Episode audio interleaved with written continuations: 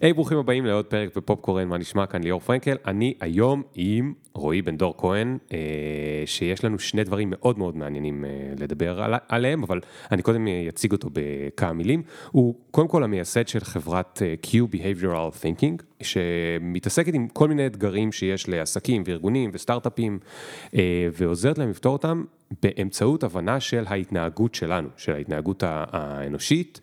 אה, הוא גם מנחה בכיר בשיטת אה, SIT, שזה משהו שאולי נדבר עליו גם, זו שיטה מאוד מאוד מעניינת שקשורה לפיתוח חדשנות ו- ו- והמצאות ו- ויצירתיות וכולי. למד בתוכנית הבינתחומית לתלמידים מצטיינים באוניברסיטת תל אביב ותואר שני בפסיכולוגיה קוגניטיבית, עם תזה על הקשר בין יצירתיות, קשב, זיכרון עבודה ובקרה קוגניטיבית. אני אשמח שאחר כך תסביר לי מה הקשר בין כל הדברים האלה ביחד. יש לו המון ניסיון בהנחיית תהליכי חשיבה בחברות בינלאומיות, במגזר הפרטי והציבורי ובסטארט-אפים וארגונים.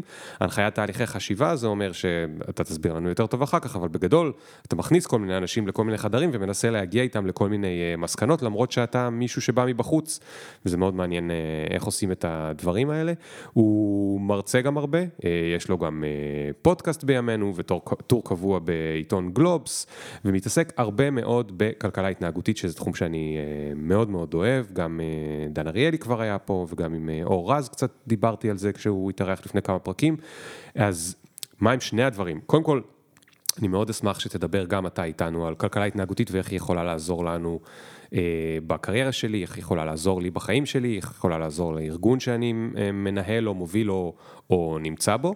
והדבר הלא פחות מעניין זה שאת החברה שלך בעצמך, Q, אתה מנהל או לא יודע איך לקרוא, הרכבת אותה בצורה מאוד מאוד חדשנית, ש, שאני מניח שמתאפשרת בגלל המציאות של היום, היא עובדת, אני אפילו לא אגלה עוד, אוקיי? אבל בצורה מאוד מאוד מאוד חדשנית, זה דברים ששמעתי קצת פרטים על זה מרחוק, ובגלל זה רציתי להזמין אותך לפה, אה, כי זה משהו שלא רגילים לשמוע עליו, אה, ואני חושב שזה ייתן השראה להרבה מאוד אנשים, גם לחשוב האם הם יכולים להקים ככה אה, חברות או עסקים, או להצטרף לאיזשהו משהו דומה.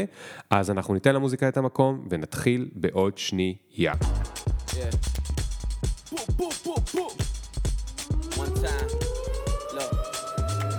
Ring the alarm. Hot ass nigga, yeah. big ass head so my dreams get bigger. Yeah. Make campaign strong so my flows get sicker. Yeah. Confidence bigger than a drunk ass nigga. Look, I'ma work graveyard shift.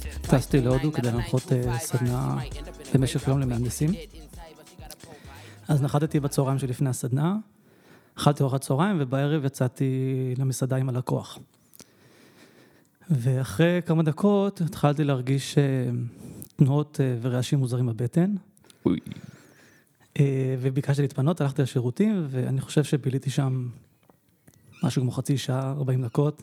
וואו. עד שהוא ניגש, אולי קצת פחות, אבל הוא ניגש אליי והוא שואל אותי, אה, רוי, is everything okay? ואז אה, כן, I will need a few minutes. ואז, Welcome to India, רוי. כן, זה היה... זה נגמר בזה? עכשיו הסיפור הוא ש... טוב, יצאתי משם, הכל בסדר, אני מזיע, הוא מחייך. סוף הארוחה הוא לוקח אותי לבית מרקחת ומתעקש, מתעקש שאני אקנה כאלה כדורים סטופית. אה, לא צריך להרחיב מה זה אומר. אה, ובדרך כלל בסדנאות, יום למחרת אני קם, ובדרך כלל בסדנאות אני... יש אה, הפסקת צהריים, יש הפסקת צהריים אחת, והפסקת בוקר, הפסקת אחר הצהריים. פה היית צריך לעשות כל 45 דקות אה, הפסקה. זה גם לא נגמר. כאילו, וואי, וואי, וואי, וואי. 45 דקות, והשירותים בצד השני של הבניין. אמ, כן, אשכרה טסתי ל-24 שעות, זאת אומרת, טסתי, הנחית את הסדנה וחזרתי. וואו, אה, וואו. וכן, עצרתי לקבל קלקול קיבה תוך אה, כלום זמן בהודו. איך, הספקת? אבל לאיזה מסעדה הוא לקח אותך? אה, אני חושב שזה מארוחת צהריים. אני אוהב, לא יודע, זה היה עוגה של עלי בננה, אולי זה היה הקטע אוקיי, אוקיי, אוקיי. אוקיי. אני גם, האמת, לאחרונה הייתי... לא יודע, אפילו לא 70 שעות בהודו, גם למשהו ביזנס. ונורא היה חשוב לי שבמעט ארוחות שיש לי, אה, הם יגיעו ממקומות ממש טובים, כי אמרתי, אם אני הולך כאילו לכל כך מעט זמן בהודו, כאילו במטוס, בחזור, להיתקע בשירותים, זה כל כך הפחיד אותי. ואני מת על אוכל הודי, רציתי לנסות לאכול ברחוב, אבל לא היה לי אומץ, לא היה לי אומץ. אז אני בדיוק הפוך, היה לי מעט זמן, אמרתי, אני חייב לנסות, אבל לא הבנתי אה, ליטל did I know. אז תגיד, רועי, בוא נתחיל רגע מה- מהסוף של מה שדיברתי עליו. אפילו אם להסביר את המינימום שאפשרי של מה שהחברה שלך עושה, נורא מעניין אותי רגע לשמוע על הפורמט המיוחד שהחברה עובדת בה. כאילו ההתארגנות, אני לא יודע אם לקרוא לזה חברה, התארגנות, מה זה בדיוק? ספר שנייה. אז ספר טיפונת מה אתם עושים ובעיקר גם איך זה בנוי. כן. האמת שגם אנחנו לא, אני מסתבך מאוד עם השם, אם זה צוות, קבוצה, קהילה, אה, התארגנות, אה, הרבה זמן זה היה התארגנות. המילה האחרונה שבחרנו לזה, זה באנגלית, זה un-organization. כן, Unorganization. ה-ארגון, כמו על סבון, אה, נכון, כן, יש את כן, הטמפו. כן. אה. אולי אני לא אסביר אפילו מה, אנחנו יכולים למכור עגבניות, זה לא כל כך משנה. תכף אני, אה, זה, אבל אני חושב שמעניין באמת, וואו, אני אתחיל מזה, אחר כך נש- אני אתן לך את הסיפור חיים, כי זה יעזור קצת יותר להגיע כן. לזה, אבל בעצם כשיצאתי לדרך עצמאית לפני ארבע וחצי שנים, מהר מאוד הבנתי שאני כבר לא יכול לעשות מה שאני רוצה לעשות לבד. ואז אה, את הפרויקט הראשון עשיתי עם חבר שלי מהאוניברסיטה, הוא data scientist, פסיכולוג קוגניטיבי. אה, ושם אני חושב כבר דובר היסודות, כי בעצם מכרתי את הפרויקט ולא יכולתי להסתיר ולא רציתי להסתיר ממנו את המחיר, אה, השל, כמה- שילמתי, ואמרתי לו, תשמע, זה מה שמכרתי, כמה לדעתך צריך לקבל? אחי, התחלקנו באיזושהי צורה, אני חושב שקיבלו 10, 15 אחוז על הפרויקט, וזה היה הפרויקט הראשון של Q, עוד לפני שידע. שהוא כאילו היה יועץ לפרויקט, זאת אומרת, הוא עשה חלק מהעבודה. כן, הוא עשה חלק מהעבודה. כן. ומהר מאוד הבנתי שאנחנו צריכים עוד אנשים, אה, ואחרי איזה שנה וחצי אני עושה, מארגן מין יום כזה, חצי יום, לקבוצת 15 אנשים שפגשתי לאורך הדרך. לא מכירים אחד את השני, כל אחד מגיע מעולם תוכן אחר, שקשור למדעי ההתנהגות, תכף נרחיב על זה גם. ומפה לשם אני מבין שאני רוצה לעבוד רק עם פרילנסרים, אין אף אחד שכיר בחברה. אה, ואני רוצה לעבוד בשקיפות מלאה, אה, שזה משהו שקצת למדתי מ-SIT, שגם עליהם נדבר. אבל ממש בשקיפות מלאה, זאת אומרת, כל המידע לגבי הלקוחות, לגבי הפרויקטים, לגבי הצעות עבודה, המחירים שלהם, הכל ידוע לכולם. וגם האופן שבו מחלקים את השלל על פרויקטים, הוא מתחלק באופן אה, שקוף לגמרי. אז היה לזה כל מיני גלגולים, בהתחלה זה היה מין אה, חלוקה ממש שוויונית, כל אחד, נגיד, היינו ארבעה אנשים וכל אחד מקבל רבע. ואז הבנתי שזה לא יכול לעבוד, כי עשינו, עבדנו לזה הצעה שלא נמכרה בסוף, ואז אמרתי, רגע, אני בשביל שעשיתי תהליך המכירה, כן. אז אמרנו, טוב, אז נקצה איזושהי מניה אחת למכירה. ואז הובלתי איזה פרויקט, וראיתי שלהוביל פרויקט זה קריאה תחת. גם הניהול פרויקט עצמו, כן, כאילו. אז כן. אמרנו, טוב, אז המוביל יקבל שתי מניות. כן. וככה התחלנו בעצם, אה, והמקום שקיבלתי ממנו השראה זה פיראטים של פעם, ככה פיראטים היו עובדים. זאת אומרת, מה זאת אומרת? פיראטים, הרי הם לא היו ממומנים על ידי הממלכה. אז, אבל הם רוצים להביא אנשי, אנשי צוות טובים כדי לצאת איתם למסע. רגע, מה זאת אומרת? איזה פיראטים? אתה פיראטים מדבר על אה, פיראטים שודדים? כן. אוקיי, אז מה זאת אומרת הם לא היו ממומנים על ידי הממלכה? ברור שהם לא היו ממומנים. נכון, זה ההבדל. נכון. אוקיי, עכשיו, כשאתה יוצא, יש, אתה, אתה ספינת צי, אז אתה ממומן על ידי הממלכה, יש לך כסף, כן, ו- יש ואתה משרות. יכול לשלם, בדיוק. כן. פה אתה לא יכול, אז אתה צריך לעשות איזשהו קוד פיראטי. אה, אוקיי, עכשיו כולנו יוצאים למסע, איך מתחלקים בשלל? בדיוק. אוקיי, בדיוק, אוקיי. בדיוק. אז מה הם עשו? אז כל פיראט היה לו קצת אחרת, אה, אבל לכולם יש אה, ממש, קוראים לזה shares, מניות זאת מילה קצת מבלבלת, אבל shares אה, קבועים בזה, זאת אומרת, הקפטן של הספינה מקבל אה, share וחצי, אה, אם אתה רק עם מגיסט או זה, אז share ורבע, רופא, לא יודע מה, ככה, ובעצם כולם יודעים מה החלק היחסי שלהם בשלל העתידי. Hmm. אז כולם יודעים גם מה החלק של כולם. כן, בדיוק. זה מאוד שקוף. כן. ככה עבדנו, בדיוק על אותו, על אותו מודל. יצרנו את המודל הפיראטי של Q, זאת אומרת, אמרת, אוקיי, לקחת את כל תכולת העבודה, תכולת העבודה זה המכירות של זה, והשיווק של זה, והניהול פרויקט של זה, וגם העבודה עצמה היצירתית, או ה-whatever שאתם עושים שם, אה, שזה עוד פעם, לעזור לארגונים, אה, נכון, אה, להגיע לתובנות ולפתור בעיות באמצעות התנהגות אנושית וכלכלה התנהגותית וכולי וכולי, ועכשיו אתה לוקח את כל החלקים האלה, ואתה אומר, אני יודע, לכל אחד כזה נתת תמחור, או שהם כולם פשוט היו כמו נקודות ועכשיו מחלקים, אתה חמש נקודות, אתה שלוש נקודות, אתה נקודה אחת, אתה נקודה אחת? אז, אז לא, אז זה פר פרויקט, זאת אומרת, מי ששותף בפרויקט, תהליך המכירה שלו בביצוע הפרויקט, ביניהם מחלקים, והיום זה קצת השתנה, אז תכף אני אגיע לגרסה, היום זה 3.0, אבל כן, כן. אז זה היה ממש קבועים, זאת אומרת, מי שמכר את הפרויקט, או היה שותף לתהליך המכירה, מקבל share אחד מתוך הסכום העתידי, עכשיו אני לא יודע אם הסכום העתידי הוא 50 אלף, 100 שקל, אלף שקל, או 200 אלף שקל, או 500 אלף שקל, זאת אומרת. כי זה לפעמים בדיוק- פרויקט יכול להתגלגל. לא, אני, אני אומר לך מראש, זאת אומרת, אני אומר, בעצם ההזמנה שלי אומרת, ככל ש-Q תגדל, והברנד יתחזק, כן. כל מי שלוקח בזה חלק, מתחזק ביחד. Mm. כי בעצם, היום אולי אני אמכר פרויקט ב-50 אלף, אבל מחר הוא ימכר ב-500 אלף, אז אני כן. עדיין לא משלם לך לפי שעה. כן. משלם לך חלק יחסי מתוך פרויקט. אוקיי. והוא ידע מניה כמה זה, מניה או share או נקודה אחת, הוא ידע כמה זה באחוזים מכל ה... אז בעיקרון, זה, זה, זה גדל כי ככל שיש יותר אנשי צוות, אז זה קצת מדלל לכולם. אה, אוקיי. אבל היום שינינו את זה קצת, היום זה ממש באחוזים, זאת אומרת 20 אחוז אה, תהליך מכירה, 60 אחוז אה, צוות הפרויקט ו-20 אחוז הולך ל-Q. מעניין. עכשיו, עכשיו תגיד רגע, כי, כי קפצת על זה כאילו זה... זה. למה... אתה יודע מה, בוא תהיה רגע פרקליט השטן. למה אנשים שוכרים אנשים לחברה שלהם ולא עובדים בצורה כזו? אני חושב שזה, חלק מזה זה אינרציה, כאילו אני חושב שמה שעשו עד כי היום... ככה עושים. כי ככה עושים, כאילו... כי- קיבלתי הרבה מאוד השראה מ... יש ספר שקוראים לו Humanocracy ועוד ספר שקוראים לו Reinventing Organizations, והם מתחילים לדבר על ארגונים לא היררכיים. אה, קוראים לזה גם Teal Organizations, יש גם מושג אחר שקוראים לו Holacracy, שזה מה שזאפוס אה, מפורסמים בו. שזה מתחיל לדבר בעצם על ארגונים שהם לא היררכיים, וזה כבר התחלה מעניינת. דרך אגב, לקחתי את השלב הבא, כי הם עדיין שכירים. לא היררכי, כלומר, הם כולם שכירים בחברה, אבל אין מנהלים. אה, או שיש איזה מנהלים, אבל זה בטח יש נגיד רק, אפילו על חברה גדולה, שתי דרגות ניהול, או זאת אומרת, אין אוקיי. שם משהו, לא פירמידה כמו כן. צבא או קורפורט. אז זה צד אחד של זה, והצד השני של למה אנשים עובדים עם שכירים, אני חושב שהם מרגישים, אה, אתה יודע, שיש איזושהי אה, יציבות, או אני חושב שזה אשליה של יציבות. אה, בטח... תחושת שליטה. זה מצחיק, גם כולם עכשיו אמרו לי, כן, אחרי הקוביד זה ברור, אבל זה, המודל הפיראטי, כל הרעיון הזה בא הרבה לפני הקוביד. זאת אומרת, אנחנו קיימים כבר ארבע וחצי שנים, כן, עכשיו פשוט זה רק יותר קל להצדיק את זה. כן. אז יש איזושהי תחושת שליטה, ו... תחושת שליטה. אז בוא נדבר על הצד השני הזה אצלך.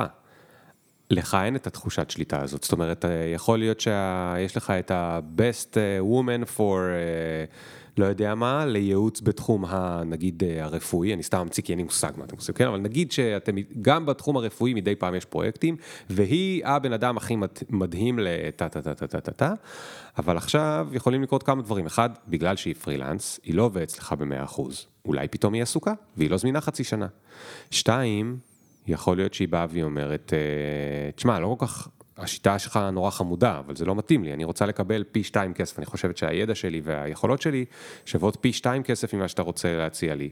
אז, אז, אז מה אתה עושה עם זה? או איך זה מסתדר? אז, אין, אז זה מסתדר במובן הזה שאו שהפרויקט פשוט ייפול, וזה בסדר, מבחינתי, או שנכנסים לאיזשהו משא ומתן. אני חושב שדרך טובה להבין את זה, זה ש...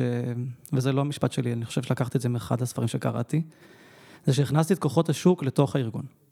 Hmm, זאת אומרת, הרבה, זה מצחיק, כי אנחנו חושבים על שוק חופשי וכלכלה קפיטליסטית, אז, אז ככה מתנהל האקו-סיסטם, או בין חברות, אבל בתוך חברות זה מתנהל כמו נכון. ברית המועצות של פעם. אה, ו- וזה מעניין, ואז בעצם, אה, אחד הדברים ש... זה, אני כבר לא יודע מה הביצה והתרנגולת, כי אני קורא כל כך הרבה על הדברים וזה, אז אני, אני לא יודע אם... אבל בעצם הרעיון הוא שכולם, יש ממש, אני עושה משא ומתן פעמיים, פעם אחת מול הלקוח, ופעם אחת מול הצוות. כן, אה, ואם לא מצליחים למצוא איזשהו פתרון, אז אה, קורה אחד משניים, או שמפילים את הפרויקט. כן. אה, בגלל זה אני גם משתדל כשאני מתחיל תהליך מכירה, רק לוודא אם יש בכלל אה, לצידי אנשים. אז אה, כן, באותו אז, אז. בוא נדמיין רגע איך זה, איך זה מרגיש. אז, אז עכשיו קיבלת פנייה מ... לא יודע מה, מסתם אני אומר, חברת טבע, ווטאבר, חברת uh, תרופות, אוקיי? מה, איך, איך, נשמעת, איך נשמע בריף בדרך כלל? מה, יש לנו בעיה, הלקוחות uh, קונים ומפסיקים לקנות, או מה, איך, איך נשמעת בעיה לדוגמה מהדברים שאתם uh, מתעסקים איתם? כן, היום זה לא כזה פשוט, הלקוח לא... זאת אומרת, אני צריך לעשות איזשהו תהליך תרגום, כי הם לא...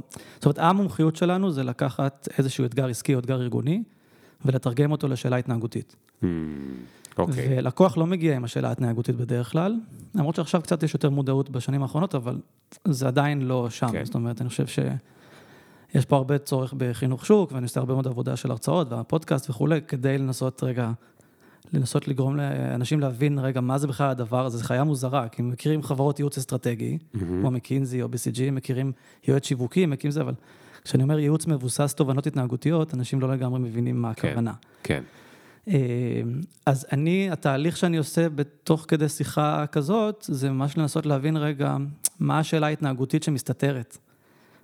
בתוך הדבר, עכשיו אנחנו יודעים לענות על מנעד של שאלות, זאת אומרת, לצורך העניין אנחנו עובדים גם עם צוותי product, גם עם צוותי marketing, צוותי מכירות, צוותי אסטרטגיה, growth, ומה שמשותף לכולם זה שבעצם הם user faced, כאילו, ואתה רוצה להבין רגע איך ה user מתנהג בסיטואציה מסוימת. כן. עכשיו, אני מדבר במונחים, במונחים טכנולוגיים, אבל נגיד אחד האתגרים המעניינים שאנחנו עושים היום, זה איך לצמצם תאונות עבודה באתרי בנייה.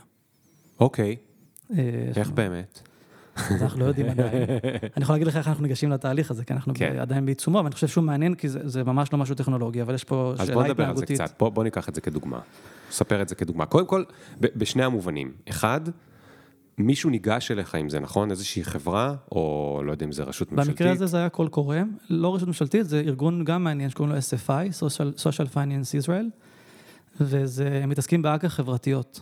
כן. מילה על אג"ח חברתיות או שלא צריך? לא, עזוב את זה רגע, אני בסדר. מכיר אותם אגב, באמת מעולה. אחלה ארגון, כל הכבוד להם, אבל הם רוצים לפתור את הבעיה של אה, תאונות עבודה במקומות עבודה.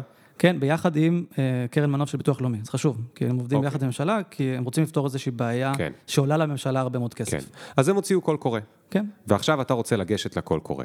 אז דבר ראשון אמרת, אתה צריך לבדוק אם יש לך איתך את התותחים שלך, בדיוק. נכון? אז מה, אתה מרים להם טלפון?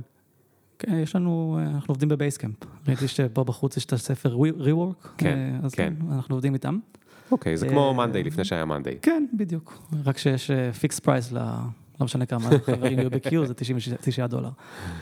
אה, כן, אז אני בודק, אה, כבר בקול קורא, אני מנסה להבין מי האנשים, איזה פונקציות אני צריך לצורך העניין. כן, אז אני צריך חוקר התנהגותי אה, עם רקע כמותי, זאת אומרת, אה, פסיכולוגיה חברתית או כלכלה התנהגותית, מישהו שיש לו יכולת לעשות אה, מחקר כמותי. מישהי שיודעת לנהל, אה, אני אומר מישהי כבר, כי אנחנו- אני יודע מי הצוות, אבל כן. שיודעת לנהל פרויקטים ולעשות ניסויים בשטח, בסדר גודל כזה. מהמם. כי ממש להיכנס לאתרי בנייה ו- ולייצר שם התערבויות ולראות מה עובד. ובצוות גם נכנסנו עוד חוקר כמותי, שהוא מאוד מאוד עושה עבודה מצוינת בסקירות ספרות. סקירות ספרות, אבל לא ראית, אף אחד לא ראה דבר כזה. הוא יכול לקרוא בתוך שבועיים 44 מאמרים אקדמיים ולהוציא מזה את. הג'יסט. וואו. אוקיי, אז עכשיו, זה שלושה אנשים שהיית צריך ספציפית לפרויקט הזה, אבל מתוך פול של כמה? כמה אנשים כבר אה, סגרת איתם את החוזה פיראטים הזה? היום אנחנו 18, 18. אז כן. מתוך ה-18 אתה צריך לראות שאת השלושה האלה, אתה צריך לראות שהם פנויים, אבל יש פה גם מלא אי ודאות, נכון? כי אתה לא יודע מתי בדיוק, א', אתה לא יודע אם תזכה בפרויקט. אז כאילו, אתה מבקש מהם לשריין לך אה, מהזמן שלהם שאולי יצליח ואולי לא. הם נכנסים איתך להרפתקה. הם נכון? נכנסים איתי כבר בתהליך המכירה. כן, אני אומר, כן, אני, אתה, אתה, אתה עוד, עוד לא הגשת את הקול קורא, אתה לא יודע אם תזכה בקול נכון. קורא, אתה גם לא יודע מתי בדיוק זה יקרה, וזה קול קורא, אז יש סיכוי טוב שלא תזכה. ואתה כבר צריך מהם איזושהי התחייבות, חבר'ה, אם זה קורה, אני צריך אתכם שם. אל תסגרו עם מישהו אחר בינתיים, או לא יודע איך הם עושים את זה. כן. ואתה כבר יודע להגיד להם בשלב הזה, אני עכשיו שואל כאילו שאני בנעליים שלהם, אתה יודע להגיד להם בשלב הזה, מה ההכנסה הצפויה עבורם? הם הרי פרילנסרים, הם עכשיו, אה, חוץ מזה שכיף להם לבוא איתך כי זה מעניין, הם גם רוצים לדעת כאילו, בסדר, מה אני אקבל פה? אז הם יודעים, במקרה הזה אני חושב שבקול קורא התפרסם מה המחיר, מה המחיר, מה הסכום המקסימלי, ומכרנו אותו בסוף פי שתיים וחצי ממה שהיה רשום, אבל אה, כן, כי הם הבינו שזה לא הגיוני אה, אוקיי. לעשות את זה שם, אבל במקרה הזה לפחות הם ידעו מה, מה הסכום שעליו הצענו. הסכום זאת אומרת, הסכום על כל הפרויקט, כל הפרויקט הם מכירים. והם יודעים מה יהיה המניות שלהם מתוך בדיוק. כל הפרויקט, אז הם יודעים לחשב. בדיוק. נחמד. לא, אנחנו ממש, כשיוצאים לדרך, כבר בתהליך הזה יש איזשהו אקסל, שהם מוריד, ממש שמים את ה... שמים כאילו את המספרים, וזה מחשב לבד לפי המניות. היום זה קצת השתנה, אבל לא משנה, זה לפי המניות האלה. אה, ומה שעוד מעניין, אני אוסיף לך עוד רמת מורכבות, אה, כל פרויקט הוא P&L עצמאי. זאת אומרת, הם יכולים לנהל את התקציב של עצמם, הם רוצים לעשות outsourcing לדברים וכולי. הם יכולים ממש, מתוך החלק שלהם, מתוך החלק אה, זה, אוקיי, נגיד אני יודע שבפרויקט הזה אני הולך לקבל 30 אלף שקל, אתה אומר, אם אני רוצה להפעיל freelancer אחר ב-10,000 מתוך ה-30 אלף, זה it's my business. זה יותר, זה יותר כצוות צריך בעצם להחליט שמתוך, ה, נגיד, המאה אלף, אנחנו צריכים להקצות עשרת אלפים ל- ל- למעצב או למשהו אה, למישהו שבצוות, אוקיי. אז עכשיו בעצם החלוקה היא ל-90 אלף. הבנתי, הבנתי. ואיך אתם מחליטים את זה כצוות? גם ההחלטה הזאת קורית כצוות או שאתה מחליט? לא, לא, אני כבר לא מעורב בשלב הזה בכלל. הם יכולים לעשות מה שהם רוצים במובן הזה. זאת אומרת, יש אוטונומיה מלאה לצוות לקבל החלטות. אה, אז נוצר צוות, רגע, אבל מי מוביל את הצוות הזה? אחד מהם. אחד מהם הוא מוביל בתור מה? בתור מנהל פרויקט או בתור מה? כן, קוראים לזה מוביל פרויקט, שהוא גם מנהל פרויקט במובן הזה, וגם, לפעמים גם עושים הפרדה על פרויקטים מאוד מאוד מורכבים, אבל בגדול המוביל הוא גם מנהל הפרויקט. אה, והוא גם מקבל, מתוגמל יותר במובן הזה שהוא, הוא גם צריך לעשות את האינטגרציה של כל הידע, זאת אומרת, אני רואה שהנושא של המוביל זה אירוע מורכב בפני עצמו, כי כן. לא, אנשים יודעים להוביל צוותים לא אינטרדיסציפלינריים הרבה פעמים. אה, אינטרדיסציפלינרי, אבל ברגע שנכנס גם מחקר כמותי, גם מחקר איכותני, גם אה, תחומי ידע ספציפיים כמו UX וכולי, אז המוביל צריך כביכול להיות מסוגל להבין רגע כן. את כל הדיסציפלינות, לעשות איזושהי אינטגרציה וגם להבין את הלקוח ומה הוא צריך.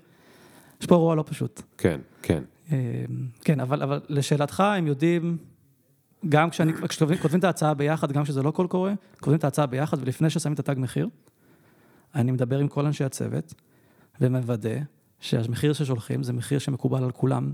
זאת אומרת, חלק יחסי שהם מקבלים, מקובל עליהם. כולם שמחים במה שהם יקבלו. ואם לא, אז אה, או שמתחילים משא ומתן עוד לפני ששולחים את ההצעה, או ששולחים את ההצעה, ואז גם, בדרך כלל יש גם משא ומתן עם הלקוח, אז אחר כך כן. צריך רגע לראות כן. לא אירוע פשוט, מצד שני, זה רותם, אה, רותם את האנשים בצורה מלאה. זאת אומרת, יש פה אחריות אה, או accountability רדיקלי, Mm, כי היית שותף לאורך כל הדרך. כן. אין לך את מי להאשים אחר כך, ידעת הכל בדרך. אה, אין, אבל אנשים אוהבים להתבכיין, אפרופו התנהגויות, אתה צריך להשאיר להם להתבכיין על משהו. כן. אז דרך אגב, זה משתפר. ההתבכיינויות היו בהתחלה, לא התבכיינויות, אבל אה, אנשים רגילים למקור סמכות, יש כזה אסקלציה כן. לממונה, נכון? זאת אומרת, אני כן. לא יודע מה לעשות, אז אני... והרבה פעמים עושים לי את זה, ואני אומר, אין, אין לי למי לעשות אסקלציה, זאת אומרת, למי? with it. זה ארגון לא היררכי, כן, אז לפעמים מדברים איתי, אבל א', אני כבר הרבה פעמים מתרחק מהפרויקט אה, ברמה כזאת שאני תמיד אה, כן מעורב ברמה מסוימת, אבל אני כבר לא בפרטים. כן, אה, ולכן אין מה לעשות, זאת אומרת, אני בעיקר יכול, אתה יודע, לעשות problem solving או דברים כאלה, אבל לא, לא, לא ברמה של אני מחליט. כן. שזה זה ההבדל בין אר- ארגון של שכירים, אני חושב, או היררכיה, כאילו אין לי כזה, אני מחליט. אז, אז, אז זה צריך להיות אופי ספציפי של האנשים שמצטרפים אליך במסע הזה? לגמרי. מה, זה- מה, מה יש באופי הזה? אני קורא לזה פרילנסרים, אבל אני חושב שה... א', זה פרילנסרים עם ניסיון. אני חושב שמה שמיוחד בפרילנסר עם ניסיון, אה, אני לא... המילה קולבויניק היא קצת אה, בעייתית, אבל זה אנשים שיודעים לעשות הרבה דברים. אה, הם יודעים... הם מבינים את הדבר, זאת אומרת, הם מבינים א', שהם חייבים לייצר ערך כל הזמן. זאת אומרת, אני כן. חושב שכשכיר אתה יכול לעשות טעות פה, לעשות טעות שם, וזה בסדר, כפרילנס עשית טעות מול לקוח, נגמר. אין לא לך- רק טעות, גם שכיר יכול לנמנם איזה חודשיים. כן. להוריד הילוך. כן, אז פה כל הזמן צריך אה, לה- להביא value, אה, וגם ככה נוצרים צוותים, כי בסוף אני לא, דרך אגב, אני לא קובע מי יהיה בצוותים, אני קובע במקרה כי אני עושה תהליכי המכירה, אבל אם אתה הבאת lead, אתה מנהל תהליך המכירה, אני לא, אני לא קובע לך מי יהיה בצוות. רגע, מה, עוד פעם, אני יכול להיות אצלך בארגון, כן. ואני יכול להביא את ה lead? כן? אתה תראה מזה משהו? היום אני רואה, Q רואה מזה 20 אחוז. אה, החברה שומרת 20 אחוז לצורכי צמיחה ו whatever ו brand ושיווק ולא יודע וגם מה. אולי שכר של- עתידי שלי מתישהו. אה, כרגע אתה לא מקבל מזה שכר אפילו מתוך החברה, אתה לא לוקח שכר מהחברה, אלא אתה, בפרויקטים שאתה משתתף, אתה מקבל את אה, חלקך. כן, כרגע כן, למרות שיודעים שמתוך ה-20 אחוז האלה איזשהו חלק עתידי. כן. אה, זה, אבל גם זה משהו חדש, החלק הזה. כן. אנחנו, אתה מבין, אה, רק עכשיו הבנו שצריך בכלל חלק כזה, ו- ושהחלק הזה... אז תגיד רגע עוד משהו שלפני שחוזרים לשם. אתה אומר, רק עכשיו הבנו, ואתה מדבר על תהליך אבולוציה. קודם כל, זה מקסים, ש... אה, זאת אומרת, אני חושב שכל ארגון, כשהוא גדל, בטח סטארט-אפים, הם כל הזמן עוברים אבולוציה, אבל פה זה פעמיים אבולוציה. זה גם האבולוציה הרגילה של חברה שהיא גדלה, או לא חברה, ארגון שהוא גדל, וגם אבולוציה של משהו שהוא, אין יותר מדי מודלים, יש, יש כל מיני כאלה. תשמע, אני חייב להגיד, לפני, אה, כבר לא יודע כמה שנים, אבל בתקופה שהייתי בניו סקול בחצי משרה, בחצי השני עשיתי פרילנס, והרבה מזה עבד ככה. היו לי הודים, פולנים, ישראלים, צרפתים, אה, קנדי פעם אחת, מישהו מוושינגטון פעם אחת, שהייתי מרכיב איתם צוותים אד הוק לפרויקט ספציפי, אבל לא הייתה לי את השקיפות הזאת. אה, כל האחריות הייתה עליי, אני הייתי ה facing ללקוח, גם המכירה, גם הזה וגם האחריות אם פישלו. למשל, היה מתכנת שבא ולעבוד שלושה חודשים.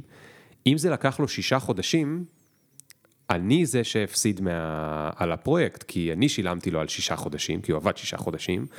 זה אומר שאו שלא עשינו הערכה טובה, או שלא זה, או שסתם הוא התבטל, אין לי, אני לא באמת יודע, האמת שאני כן יודע, אבל תלוי במקרה, זה לא משנה כל כך.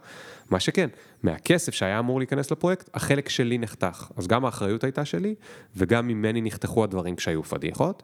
מצד שני גם, אני הרווחתי יותר כשלא היו פדיחות מהארביטראז', כי הבאתי מתכנת הודי שמרוויח פחות מ...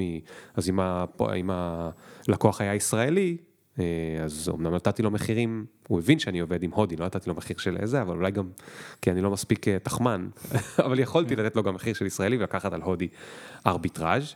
אה, אז העניין של להרכיב צוותים אד הוק, אני, אני מבין ומכיר. העניין שאתה מדבר עליו הנוסף כאן, אתה כל הזמן אומר, החלטנו והבנו. יש מה? יש מועצת שבט? אתם מתכנסים פעם בשבוע? מתי אתם מחליטים ומבינים כל מיני דברים? כן, אז א', אנחנו נפגשים פעם בשלושה, פעם בשלושה שבועות בזום, קוראים לזה quality time, תכף תראה, כל היוזמות זה עם Q, זה, ככה מחליטים בכלל זה יוזמה או לא. אה, אבל שם זה בעיקר להכיר אחד את השני, זה יותר, כל אחד, מישהו, כל פעם מישהו אחר מספר איזשהו case study או כזה, ויש לנו גם retreat פעמיים בשנה, offsite, ששם הרבה פעמים הדיונים האלה קורים.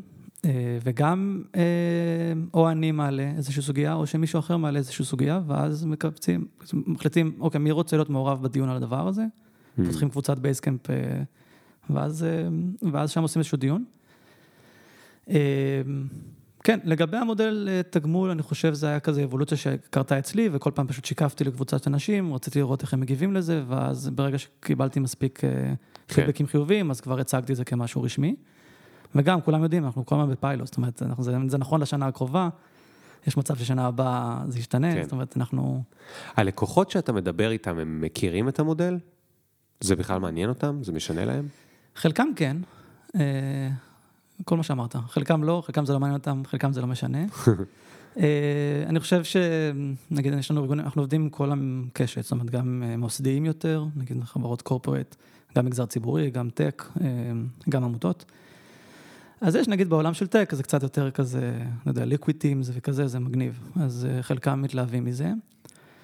אה, אבל לא תמיד, זאת אומרת, לא, לא, לא, אתה לא חייב להכיר את ה-operating system שלנו בשביל... אה, כן. להפך, אני חושב שאתה פשוט רואה את הערך שאתה מקבל. כי מה, מה, שאלת אותי קודם מה הדאונסייד של לעבוד עם אנשים כאלה. כן. אז א', זה המומחים, זאת אומרת, או המומחיות. פרילנסרים בדרך כלל זה אנשים שכבר יצאו מכל מיני ארגונים, צברו הרבה מאוד ניסיון, נמאס להם שיש להם איזה מישהו מעליהם, גם רוצים לעשות כל מיני דברים בו זמנית, לא יודע מה, לעשות אמנות, לנגן. כן. לא רוצים לעבוד כבר 9 to 5. אה, ואז בעצם זה איזה אפשרות, אני חושב שהפיצוח פה היה מצד אחד לעבוד עם המומחים הכי גדולים. ומצד שני, אתה גם לא מסוגל לשלם להם פר שעה, אתה יודע, אה, כן. מחיר, זאת אומרת, אה, נו, חודש, במשך חודש, נו, איך אני רוצה להגיד? לא משנה. שכר חודשי. שכר חודשי, תודה. זה גדול. אתה כן. מוכיח שאתה באמת כן. לא יודע מה זה אומר. בול. אה, ומצד שני, היא גדלה ומתכווצת בהתאם לפרויקטים. זאת אומרת, כן. עכשיו יש 15 פרויקטים שרצים במקביל, אז היא גדלה. אה, בתקופת הקוביד היא הצטמצמה מאוד. אה, זאת אומרת, יש משהו מאוד מעניין.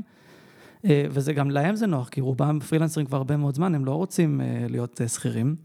והם עושים הרבה דברים, חלקם באקדמיה, חלקם יש להם את המותג שלהם שהם פועלים בו לא במסגרת Q, אה, חלקם ב-50% משרה במקום אחר. אז, אז זה מגניב, ואני חושב עוד רגע זה מילה, אם אתה רוצה עוד על הפיצוח. כן. אחד, אחד הדברים בעצם שהפריעו לי כפרילנסר, זה שיש את הנוסחה, נוסחת ה... שכולנו מקבלים אותו כמובן מאליו, אה, שזמן שווה כסף. ומה שקורה ב-Q, או אני מקווה שיקרה ב-Q, זה שזה לא בהכרח זמן שווה כיף, כי א', אני לא, לא בודק אף אחד כמה שעות הוא נותן. ממש, אין שעון נוכחות או משהו כזה. והמחירים של הפרויקטים רק עולים ככל שהברנד מתחזק. כן. אז בעצם היום אתה נכנס לפרויקט ב-X, מחרתיים אתה נכנס לפרויקט דומה בשלושה X, מצבך ישתפר פי שלוש. כן. אה, ואז המחיר השעתי כבר לא, כאילו אני מבטל את הנוסחה. זה נכון גם לכל freelancer כ freelancer זה ככה. פשוט מה שאתה אומר זה שבמקום ש-18 freelancers יצטרכו לעשות לעצמם את זה, עצם זה שהם שותפים ב-Q, אז יש brand אחד שכולם נהנים מעליית ה brand. כי גם אם אה, בפרויקט אחד חמישה היו משותפים, ופרויקט אחר חמישה אחרים היו שותפים, גם החמישה שהיו שותפים אז וגם החמישה שהיו שותפים חצי שנה קודם, שניהם נהנים מעליית, מעליית ה brand ומעליית הסיכוי להשיג עוד פרויקט, את הפרויקט העתידי. כן, אני פשוט משווה את זה לארגונים שמעסיקים freelancers. אני גם הייתי כזה, זאת אומרת, יש כל מיני ארגונים היום שמעסיקים פרילנסרים. הם משלמים למחיר שעתי. כן, הארגון הזה מתחזק, מתחזק, ה brand שלו מתחזק, זה, אתה עדיין נשאר לבד באותה, באותו מקום. כן, פה זה לא קורה. כן, פה אה, ה brand של ה-Q מתחזק, אתה מתחזק, ה brand של Q נחלש, אתה גם נחלש. זאת אומרת, יש פה קורלציה מלאה, הלימה מלאה. אתה, אתה כרועי, אתה עושה משהו חוץ מ-Q? אה, אני מעביר הרצאות וסדנאות, אה, אבל זה, זה מזין אחד את השני. זאת אומרת, אני בדרך כלל משתדל, ההרצאות והסדנאות הם כדי להביא ליד, ואז הליד נכנס ל-Q. כן, אה, כן, אז... וגם Q לא מתעסקת בהרצאות וסדנאות, מתעסקת בפרויקטים. כן, אולי כן. הסדנה תהיה חלק מזה, אבל... אה, אוקיי, אז, אז בוא נדבר באמת על, ה... על התכנים של ההרצאות והסדנאות, כי כל הנושא הזה בעצם, אה, הנושא של אה, הבנה של התנהגות אנושית, הוא תפס תפנית. הוא לא כזה חדש, כי יש פסיכולוגיה ויש סוציולוגיה, וזה כבר קיים אה, לא מעט זמן, לפחות 100 שנה, כנראה שיותר בעצם, חושבים על אה, פרויד ו- והחבר'ה. אבל אה, כלכלה התנהגותית, מה שקוראים, אה, תפס תאוצה מטורפת. ממש ממש ממש תאוצה מטורפת. אה, ספר רגע איך אתה הגעת למסקנה שזה מעניין אותך, עד כדי כך שאתה ממש, זה מה שאתה עושה כל הזמן שלך. טוב, אז א', אני, יש לי תואר שני בפסיכולוגיה קוגניטיבית. אה, והייתה לי הרבה מאוד דילמה, האמת שלא הייתה לי דילמה, אז בכלל התעסקתי ביצירתיות. חשיבה יצירתית ופתרון בעיות.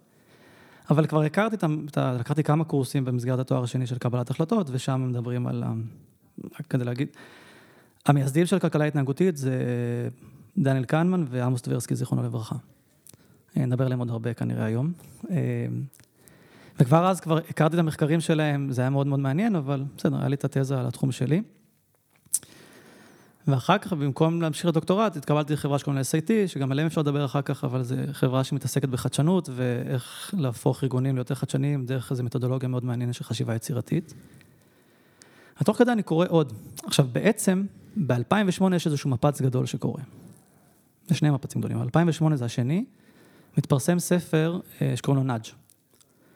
אה, מי שכתב אותו זה ריצ'רד טלר, שהוא גם חתן פרס נובל לכלכלה, אה, וקאס אנסטיין שהיה יועץ של אובמה, של אובמה, והוא משפטן מהרווארד, והם בעצם כותבים איזשהו ספר שעושה מהפכה בכל הנושא של מדיניות ציבורית, ותוך שנה או שנתיים, באנגליה מקימים יחידת נאג' כזאת, Behavioral Insights Unit, שמה שהיא עושה, זה בעצם לוקחת את העקרונות האלה של הספר, ובכלל העקרונות של כלכלה התנהגותית ומדעי ההתנהגות, ו- ומטמיעה אותם כחלק מהמדיניות. כן, שזה, קודם כל, זה די מטורף. זה מה מטורף. שסיפרת, נכון? כי, כי נחשוב רגע עד כמה ממשלה, ובטח בריטניה, וזה, הם מיושנים, בירוקרטיים, איטיים, למרות שהם כלכלה מובילה, אבל עדיין, הם מאוד, נקרא לזה, לא מיושנים, אלא מסורתיים, ופתאום מדע חדש, או מדע מסוג חדש, מצליח ממש בשניות, בלוחות זמנים של מדע, בשניות, להיכנס למקום של מדיניות ציבורית. מה, כן. מה ההסבר לזה? איך זה, איך זה כל כך... יש כל מיני הסברים. א', 2008 קרה עוד משהו שהוא יותר מפורסם מנאג', זה המשבר הכלכלי הגדול. כן. שאני חושב שהוא קצת דחף לזה. Mm. אה, אני אגיד גם נאג' הוא פורץ דרך, בעיקר בעטיפה שלו, זאת אומרת, הם לקחו ידע קיים וארזו אותו כהתערבויות. זאת אומרת, הם לקחו את כל הנושא של הטיות קוגניטיביות, שזה מה שקאן וטברסקי התחילו, וכולנו מכירים אותו כדן אריאלי, אבל יש עוד הרבה, כמו מקס ברזרמן, ובקיצור, יש הרבה מאוד חוקרים שמתעסקים בדבר הזה, בצורה אקדמית. הם, אני חושב שהיו בין הפעמים הראשונות שהפכו את זה בעצם למשהו יישומי, אמרו, אוקיי, בואו ניקח את כל ההטיות הקוגניטיביות האלה, אנחנו מבינים אותן בצורה תיאורטית או אמפירית, אבל בואו עכשיו נעשה, נייצר התערבויות, interventions, כדי להשפיע על אנשים דרך ההבנה של ההטיות האלה. כן. והדוגמה אולי כבר נדושה, אבל אולי חלק מהמאזינים לא מכירים אותה בספר של נאג' זה הזבוב במשתנה של השירותים של הגברים. בסדר? למה זה נאג'? רגע, תסביר שנייה, כי. האנשים אולי לא יודעות שיש כזה זבוב במשתנה שלנו. כן, אז יש לנו, אה, הם קוראים לזה, באנגלית זה מעניין, הם קוראים לזה ספיל אאוט. יש לגברים נטייה אה, להחטיא. אה, כן. גם הלכתי. את זה נשים מכירות לצערן, כי אנחנו כן. מלכלכים להם תמיד את ה... איפה שאנחנו לא מגיעים. בדיוק. אז, אה, אז מה שעשו, הזבוב הרי זה נצפה לראשונה באמסטרדם, בשדה התעופה בסקיפול, אה, ובעצם שמו מין מדבקה כזאת על, על המשתנה, ו, והתוצאה המעניינת, מדבקה קטנה של כן, זבוב זבוב. שמצויר על המשתנה. בדיוק, ואיפה הדביקו אותו? במקום כזה שאם אה, פוגעים אז אה, לא משפריץ החוצה. הנתון המעניין שמופיע בספר זה שיש ירידה ב-80% מההחטאות, זאת אומרת, 80% פחות החטאות כשיש את הזבוב הזה, ועלות חומרי הניקיון אה, בכל שדה התעופה יורד ב-10%. וואו. כן, רק בגלל ששמו לגברים איזה מדבקה שהם צריכים עכשיו לנסות לה- להשתין, סליחה על המילה, על הזבוב. בדיוק. כן. עכשיו, ההגדרה של נאג' אה, זה בעצם יש כמה, שלושה קריטריונים. אחד, זה משנה התנהגות, זה איזשהו רמז או איזשהו משהו שאתה שם בסביבה של המשתמש או של האזרח, או לא משנה, מי שאתה רוצה להשפיע על ההתנהגות שלו. אה, אז זה משנה התנהגות, זה א', אה, אבל זה לא כופה שינוי התנהגות. זאת אומרת, אם אני, כמי שעשו עליו את ההתערבות, מחליט לעשות אחרת, מותר לי. זאת אומרת, אם אני רוצה להשתין על הרצפה, אף אחד לא, לא קונס אותי. כן, לא הכריחו אותך להשתין על. הזבוב. כן. והדבר השלישי זה שזה קל ליישום, וגם, כי זה קל ליישום, זאת אומרת, זה משהו כמו כן, זבוב. כן. ואז המשפט האחרון. בהגדרה, הם אומרים, אה. אה, אה, להוציא מחוץ לחוק junk food, זה לא nudge, לשים פירות בגובה העיניים, זה כן. Mm, כן. שזה דרך אגב מה שגוגל עשו.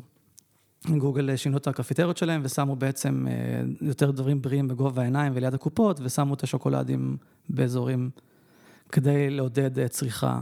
כן. וזה בדיוק nudge. זאת אומרת, זה לדחוף אותך, nudge זה כזה to push, זה לדחוף אותך להתנהגות אה, מיטיבה. Nice. אה, עכשיו, nice, עכשיו הצד השני שזה, יש, מאז הם יצאו עם המשפט nudge for good, כי כמובן אתה מבין מה אפשר לעשות עם, כן. עם הידע הזה, זאת אומרת, כן. כמו כל superpower, אתה יכול להשתמש בו לטובה, לגרום לאנשים לחסוך יותר, לאכול יותר בריא, או לקנות דברים שהם לא רוצים, או... כן. לבזבז כסף שהם לא רצו לבזבז. כן, להירשם לתוכנית שהם לא רצו להירשם אליה, זאת אומרת, ה nudge, יש לזה, זה- האח התאום שלו זה sludge. זה כן. ככה אומרים את כן, זה, כן. sludge. זה האח התאום. אז בעצם, יש פה משהו שהוא כאילו, אני עוד פעם חוזר רגע לבריטניה, וזה שהם בתוך שנה הכניסו את זה למדיניות ציבורית, והם הקימו, מה אמרת שהם הקימו? ועדה או... לא, קוראים לזה ממש יחידה שקוראים לה Behavioral Insights Unit, או Behavioral Insights Team. כן, שדרך אגב, מאז הפכו להיות אה, חברת ייעוץ גדולה והם התנתקו מהממשלה ועכשיו יש להם אה, שבעה כן. סניפים בכל העולם. הם המוד... אחד המודלים שאני מסתכל עליהם כ... כן, כן. אז הם, בגלל ש... קודם כל, זה קל, בגלל, בגלל המוטיב הזה שלא מכריחים אותך, אז כאילו לא צריך להעביר חוקים, לא צריך להעביר תקנות, נכון? אמ, אז זה כאילו נורא מפתה לנסות. ותן לנסות להבין אם הבנתי את הרמז, אמרת שגם מה שקרה זה המשבר הכלכלי. ואני, אם אני מבין נכון, איך זה קשור למשבר הכלכלי? בעצם היה משבר אמון גדול בכלכלה הלא התנהגותית, בכלכלה המסורתית, נכון? הכלכלה זה מקצוע מאוד מיושן, הרבה מאוד, לא מיושן, סליחה, אני מתכוון עוד פעם, בעל הרבה שנים, הרבה מאוד מחקרים, אין סוף מחקרים קורים בו, אין סוף אנשים עוסקים בו, אנשים רציניים, תותחים, חכמים, אינטליגנטים מהאוניברסיטות הכי טובות, הולכים ומייעצים לממשלות, ומייעצים לשרי אוצר, ומייעצים לשרי עבודה, ומייעצים לשרי כלכלה, ומייעצים לבורסות, ומייעצים לזה, ומייעצים לזה, ואיך זה שעם כל החוכמה המטורפת הזאת, יש דברים כמו המשבר הכלכלי ב-2008, יש דברים כמו פערי מעמדות, יש דברים כמו אה, אבטלה מטורפת, זאת אומרת, אם כל החכמים האלה והמדע המטורף הזה שנקרא כלכלה הוא כל כך טוב, איך זה שאנחנו עדיין לא מצליחים, כאילו, יש דברים שאנחנו לא זה, אז זאת אומרת, הרבה פעמים בגלל שמשהו, נגיד כמו המשבר ב-2008, האכזבה ממנו כל כך גדולה, אז מסתכלים רגע לצד השני לראות אם יש משהו יותר אה, זה, ושם בדיוק בתזמון מעולה המתין לו הנאג' וגם דן אריאלי פרח באותו זמן בערך, זאת אומרת הרבה, אה, וגם אתה, העתיד שלך אה, נבנה באותו, באותו זמן, אז אתה ראית את הספר הזה באותו זמן? אז לא, אני ראיתי אותו יותר מאוחר, אני באותו זמן עבדתי בחברת הייעוץ, אבל רגע לפני, לפני שקראו לו נאג', זה, גם קטע מעניין. מי שהציע את השם נאג' זה העורך הקודם שלהם, שאחר כך הם פיטרו אותו, אבל לקחו את השם איתם. אבל השם שלהם בהתחלה של הספר היה Libertarian Paternalism. עכשיו, אוקיי, תסביר. כנראה שהוא לא היה מצליח באותה מידה, כן, אבל למה זה נורא קסם אה, לממשלות? כי זה מין, אה, החבר'ה של לפיד בהתחלה היום, זה לא ימין ללא שמאל, זה משהו שלישי. אז הנאג' הזה הוא איזושהי הבטחה למשהו שלישי. כן, כי מה זה ליברטריאן פטרנליזם? למה זה ככה? כי מצד אחד זה פטרנליסטי, אני יודע מה טוב לך, כן, אני רוצה לדחוף אותך לאפשרות מסוימת. מצד שני, חופש הבחירה נמצא בידך. בידך. כן, זה, זה בדיוק הזבוב, או לא משנה, הד- הדוגמאות שהם עושים אחר כך זה איך לעודד אנשים לחסוך אה, לפנסיה, אה, מיסים, לנהוג יותר לאט אה, בכבישים. יש להם כל מיני דברים, לעודד הרשמה, לא יודע מה, גיוון והכלה, בכל מיני דברים, כן. אומרת. אבל בעצם הרעיון הוא להתגבר על, כי לממשלות בדרך כלל יש שני, שני ליברס כאלה, נכון? יש להם או אה, סנקציות, חוקים שהם כזה... אה, מכריחים אותך קנסות. לעשות משהו. כן, אבל זה קנסות או תמריצים, זאת אומרת, זה בדרך כלל תמריצים מקל וקנסות. וגזר. כן. ואז הם אומרים, זה ביונד, כאילו, זה מעבר למקל וגזר. כן, זה, אני דוחף אותך לעשות אה, פעילות מסוימת, כי אני מבין איך אתה חושב, ואני דוחף אותך לשם. אתה מוזמן אה, ל- לא להקשיב לי. כן. אתה מוזמן. על אבל זה באמת גם קצת הביקורת שיש לפעמים על ממשלות ש- ש- שמשתמשות בדבר הזה, כי למרות שאני לא מכריחה אותך, אפילו היה אפשר לטעון שאני אני עושה משהו יותר טוב מלהכריח אותך. אני גורמת לך להאמין שהחופש אצלך, אבל אני יודעת איך אתה עובד, כי אני עובדת עם כל מיני אנשים כמו רועי ואנשים אחרים שחוקרים התנהגות אנושית, ולכן אני יודעת מה, ולכן הפטרנליזם, זאת אומרת, אה, I know better, ועכשיו אני אגרום לך זה. אז אני מניח שיש דברים שפחות יתווכחו עליהם, נגיד פחות יתווכחו אם כדאי לעשות דברים שיגרמו לפחות תאונות דרכים, אה, או לתשלום מיסים, אבל יש דברים שכבר אפשר ל... או דברים, או... כי, כי בסוף אפשר בעיקרון, בעולם שבו נדע, להשת... נדע to master it, אפשר להשפיע גם על דברים שהם לא תאונות דרכים, אלא אפשר להשפיע על כל מחשבה של מדיניות ציבורית של כל סגן שר. כן, בוא, ל- זה אפשר להגיד, חיסונים. אני חושב חיסונים, שהנושא של נכון. התחסנות היה... זה היה הטענות נגד, אה, חלק גדול מהטענות נגד דן אריאלי, שהוא עוזר לממשלה להבין איך אה, לשנות נוסחים בטפסים וכולי וכולי וכולי, כדי לעודד יותר אה, חיסונים. איך אתה חי עם זה? אגב, מה המחשבות שלך בנושא? זאת אומרת, זה, זה הרי המקצוע שלך מצד אחד, מצד שני, אתה נראה לי בן אדם די ערכי ומוסרי פה, לא יודע, אולי עבדת עליי, אבל אה, ככה זה מרגיש. תראה, אנחנו... יש מקומות שהם, אה, כמו שאמרת, הם, הם, לא, הם לא אפורים, ושם הכי קל, נגיד צמצום תאונות עבודה באתרי בנייה. כן, אה, אז אלה פרויקטים שאנחנו מאוד שמחים. אף אחד לא היה רוצה שיהיה יותר. כן, אני מקווה. אה, אז נגיד אלה פרויקטים שאנחנו מאוד אוהבים, אה, ולכן אנחנו גם, הרבה, כן, נגיד זה פרויקטים מאוד, ואני מנסה לחשוב על פרויקט, אה, להגדיל את ההיענות להחזרת אמל"ח לא חוקי במגזר הערבי. Mm, עכשיו, יש כאלה, אני מניח שאנשים מסוימים שלא רוצים שזה יקרה, ושם זה באמת גם קצת יותר מורכב. אה, ויש מקומות שהם גם, אה, אתה יודע, אנחנו, עוד לא יצא לנו, אנחנו לא עובדים, לא שיש לנו משהו ספציפית נגד אה, תעשייה של גיימינג, כן, אבל אני לא בטוח ששם זה, יש, לנו- יש לנו הרבה מה לתת מצד אחד, אבל לא בטוח כן. ששם אנחנו רוצים להיות. כן. עכשיו, דרך אגב, זה מאוד עובד יפה עם המודל הפיראטי שתיארתי לך קודם, כי יש פה חמישה אנשים, או לא משנה, כמה אנשים שהם בצוות, שמקבלים החלטה אם הם רוצים ללכת על זה או לא רוצים ללכת לזה, אז יש פה כמה קולות, וכבר Mm. זה לא קרה לנו. שכל החברה צריכה להחליט ביחד. על פרו... יכול להיות שיש פרויקטים מאוד מאוד אה, שנוי במחלוקת, שאולי נעלה את זה כזה כן. לדיון. כן, אבל אני חושב שזה גם לא החלטה של בן אדם אחד, זה לא החלטה שלי. זאת אומרת, אם לצורך העניין אני ממש רוצה להיכנס ל... לא יודע מה, תעשיית הנשק, ולעודד אה, מכירת נשק באנגולה. אני לא בטוח שיהיה לי צוות שיעשה את זה איתי. כן, אה, גם אם אני נורא ארצה, לא בטוח שאני רוצה, כנראה שאני לא. אה, אז יש פה גם משהו מעניין במבנה הזה, שהוא מין חסמים ובלמים כאלה. כן, אה, כן. טוב, אז, אז בואו נדבר עוד קצת רגע על אה, נאג' וחבריהם, כי זה נורא אה, אה, אה, מעניין. אני, יש איזשהו אה, אה, סיפור שכתבת לי עליו, על, ה, על, ה, על הקו רכבת בין אה, פריז ללונדון. ספר לי על זה רגע. אז הסיפור של רורי סות'רלנד, אה, שהוא, רוי סות'רלנד, זה לא ההוא מהקריאייטיב? כן, קטן כזה עם אה, שיער אה, כן. אה, ענק כזה. הוא לא קטן, הוא קטן, הוא נמוך, אבל הוא, נמוך. הוא רחב. נכון, נכון, נכון. הוא משהו הוא- בעולם, הפר... משהו ענק בעולם הפרסום, לא? כן, אז הוא, הוא באוגילבי, קוראים לזה אוגילבי? אני כן, לא זוכר, כן, כן. והוא הקים, מה שמדהים בו, הוא הקים את היחידת Behavioral Science בתוך אה, Mm. החברה הזאת. אה, והוא גם כתב ספר מעולה שקוראים לו אלכמי, אה, מומלץ בחום. ואחת הדוגמאות שם, וגם באיזה הרצאת עד שלו, אני חושב, והוא משתמש בדוגמה הזאת לא מעט, זה שהוא אומר שרצו לפתור את, אה, היה איזה אתגר של הרכבת מפריז ללונדון לפריז, אה, משך הנסיעה שלושה וחצי, שלוש וחצי שעות. ואז בעצם, כדי לקצר את, ה, את המהירות, השקיעו משהו כמו שישה מיליארד פאונד, כדי לבנות אה, פסי רכבת, מסילות חדשות לגמרי, והצליחו לצמצם ב-40 דקות. זאת אומרת, במקום שלוש וחצי שעות, זה לקח שעתיים חמישים. בדיוק. שלבן אדם, בוא נגיד, כדי לשנות החלטה האם אני כן או לא נוסע לפריז, אין הרבה הבדל. אם זה ייקח לי שעתיים חמישים ושלוש וחצי, זה לא שקיצרתם לי לחצי שעה, אה, ובשביל זה השקיעו שישה מיליארד פאונד. כן. אוקיי. ואז הוא אומר, זה, זה כשאתה פותר בעזרת לוגיקה. מבחינתו זה בעיה לוגית, מהנדסים פותרים אותה וזה. אבל אם אתה מסתכל על זה בצורה סייקולוג'יק, הוא ממש טבע את המושג הזה, אז הוא אמר, נניח, הוא גם קצת לא politically correct, אבל נניח ועכשיו אני שם ברכבת דוגמנית, אה, דוגמניות ודוגמני על, שמסתובבים בלבוש אה, צנוע, ומגישים את היין הכי יקר, אה, הצרפתי הכי יקר שיש במהלך הרכבת. כמה זה יעלה לי? זאת אומרת, כנראה זה יעלה חצי משישה מיליארד יורו, אפילו לא. כן, למשך עשר שנים. ואנשים גם התלוננו שהרכבת מהירה מדי.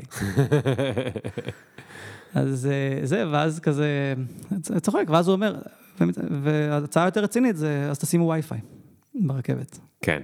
כאילו, ומה שהוא בעצם אה, מנסה להגיד, זה שיש בעיות שאנחנו פותרים אותן בעזרת אה, מדע, לוגיקה, המדע אולי זה זה, כי מדעי ההתנהגות פה אני לא מסכים איתו, אבל אם אתה מסתכל על זה בצורה אובייקטיבית, אתה מקבל סוג אחד של פתרון. כאילו, איך מקצרים? כן. ואם אתה מסתכל בצורת המבט האנושית, זה לא בהכרח מה מקצרים, זה איך אתה מנעים את הנסיעה או גורם לנסיעה להיות סימלס. כן. יש זאת איזה... אומרת, במקרה הזה, אה, תשאל אנשים מה מפריע לך, ויגידו שלוקח הרבה זמן לזה, אבל אז אתה צריך לשאול אותם עוד פעם שאלה. למה זה מפריע לכם שזה לוקח הרבה זמן? זה לא נעים לכם?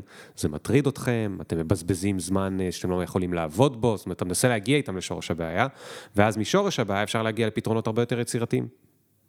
שורש הבעיה, כן, שורש הבעיה מנקודת מבט הסובייקטיבית. כי אני חושב שכאילו, כי יכול להיות ששורש הבעיה האובייקטיבית זה באמת... מה שהוא מנסה להגיד, אני מסכים איתך, אני רק מנסה לחדד את זה. כן.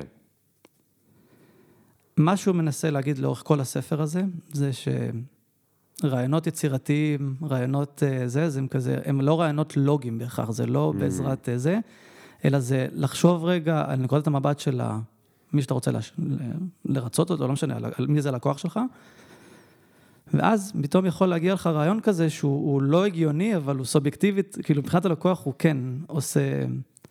כן. אני, אני אתן עוד דוגמה, אולי דוגמה מאוד מאוד דומה. יש בהרווארד ביזנס ריוויו פעם, אה, קראו לזה הבעיה של המעלית האיטית. האמת שזה בדיוק אותו דבר. אבל שם זה מאוד מעניין, כי זה מתחבר לאיך אתה מנסח את השאלה.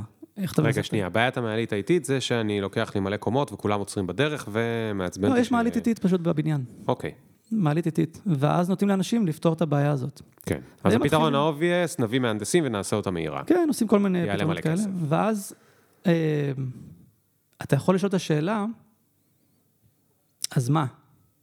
אז מה אם איטית? אה, אז אנשים אה, מחכים הרבה, אז מה? אז הם משתעממים. ואז הפתרון יכול להיות לשים להם מראה. אה, זאת אומרת, כן. וברגע שאתה מנסח את השאלה, אני חושב שזה משהו קצת חרגתי, אבל סטיתי, אבל זה מעניין, האופן שבו אתה מנסח את השאלה, תשפיע על סוג הפתרונות שאתה מחפש.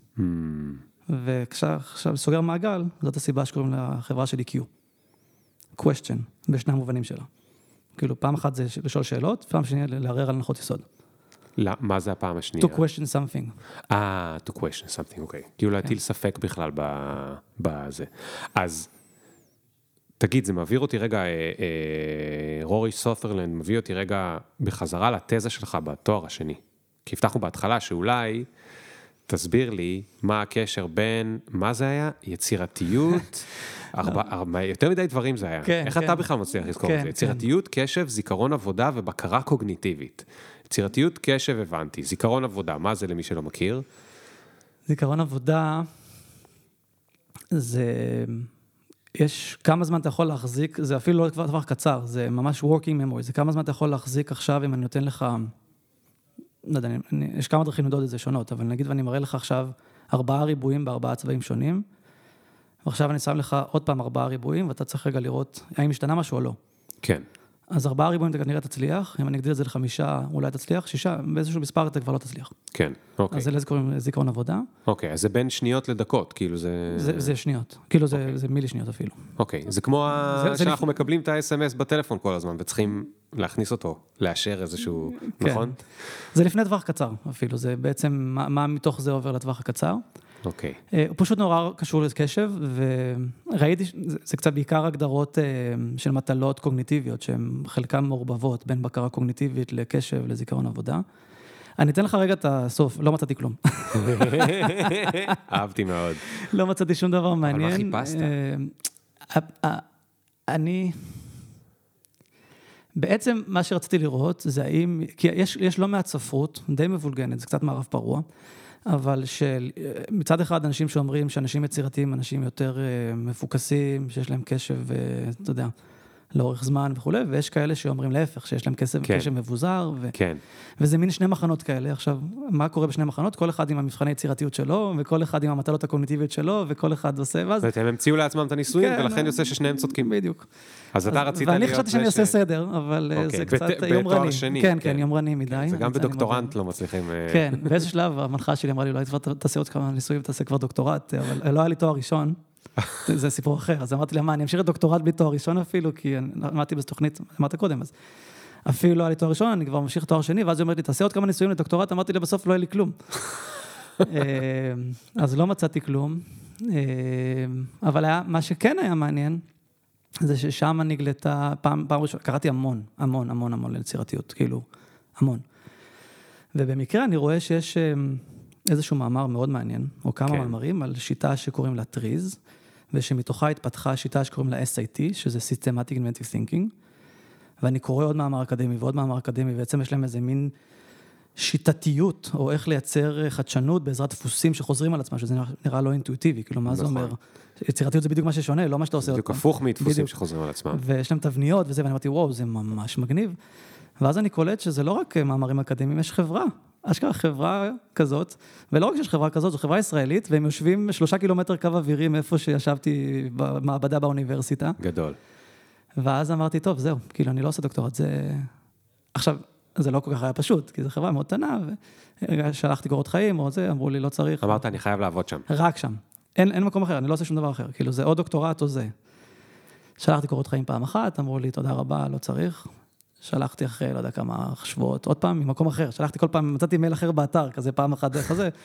כל פעם זה כנראה הגיע למישהו אחר, עוד פעם אמרו לי, לא צריך, תודה רבה, ושגעתי, שיגעתי. לדעתי שלחתי שלוש-ארבע פעמים. ואז פתאום גילו, כנראה, אני לא יודע איך זה הגיע, שאני דובר ספרדית. Hmm.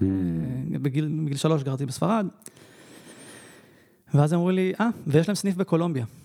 קולומביה בוגוטה. אז כלומר אמרתי להם, באוניברסיטה קולומביה, אה, קולומביה אוניברסיטי, לא, לא, קולומביה בוגוטה. היית רוצה. כן. ו... ואז אמרו לי, אנחנו צריכים מישהו ל... אם אתה זה, קיצור, וככה התחיל, התחלתי מסכת ראיונות, אה, אחד מהם היה המנכ"ל, שהוא גם מדבר, זה היה ראיון בשלוש שפות, עברית, אנגלית וספרדית. וואו. כן, ממש כאילו, כל שנייה כזה, פתאום הוא עבר לספרדית, אז עברתי לספרדית, אבל אנגלית. וזהו, ו... וככה בעצם בסוף התקבלתי.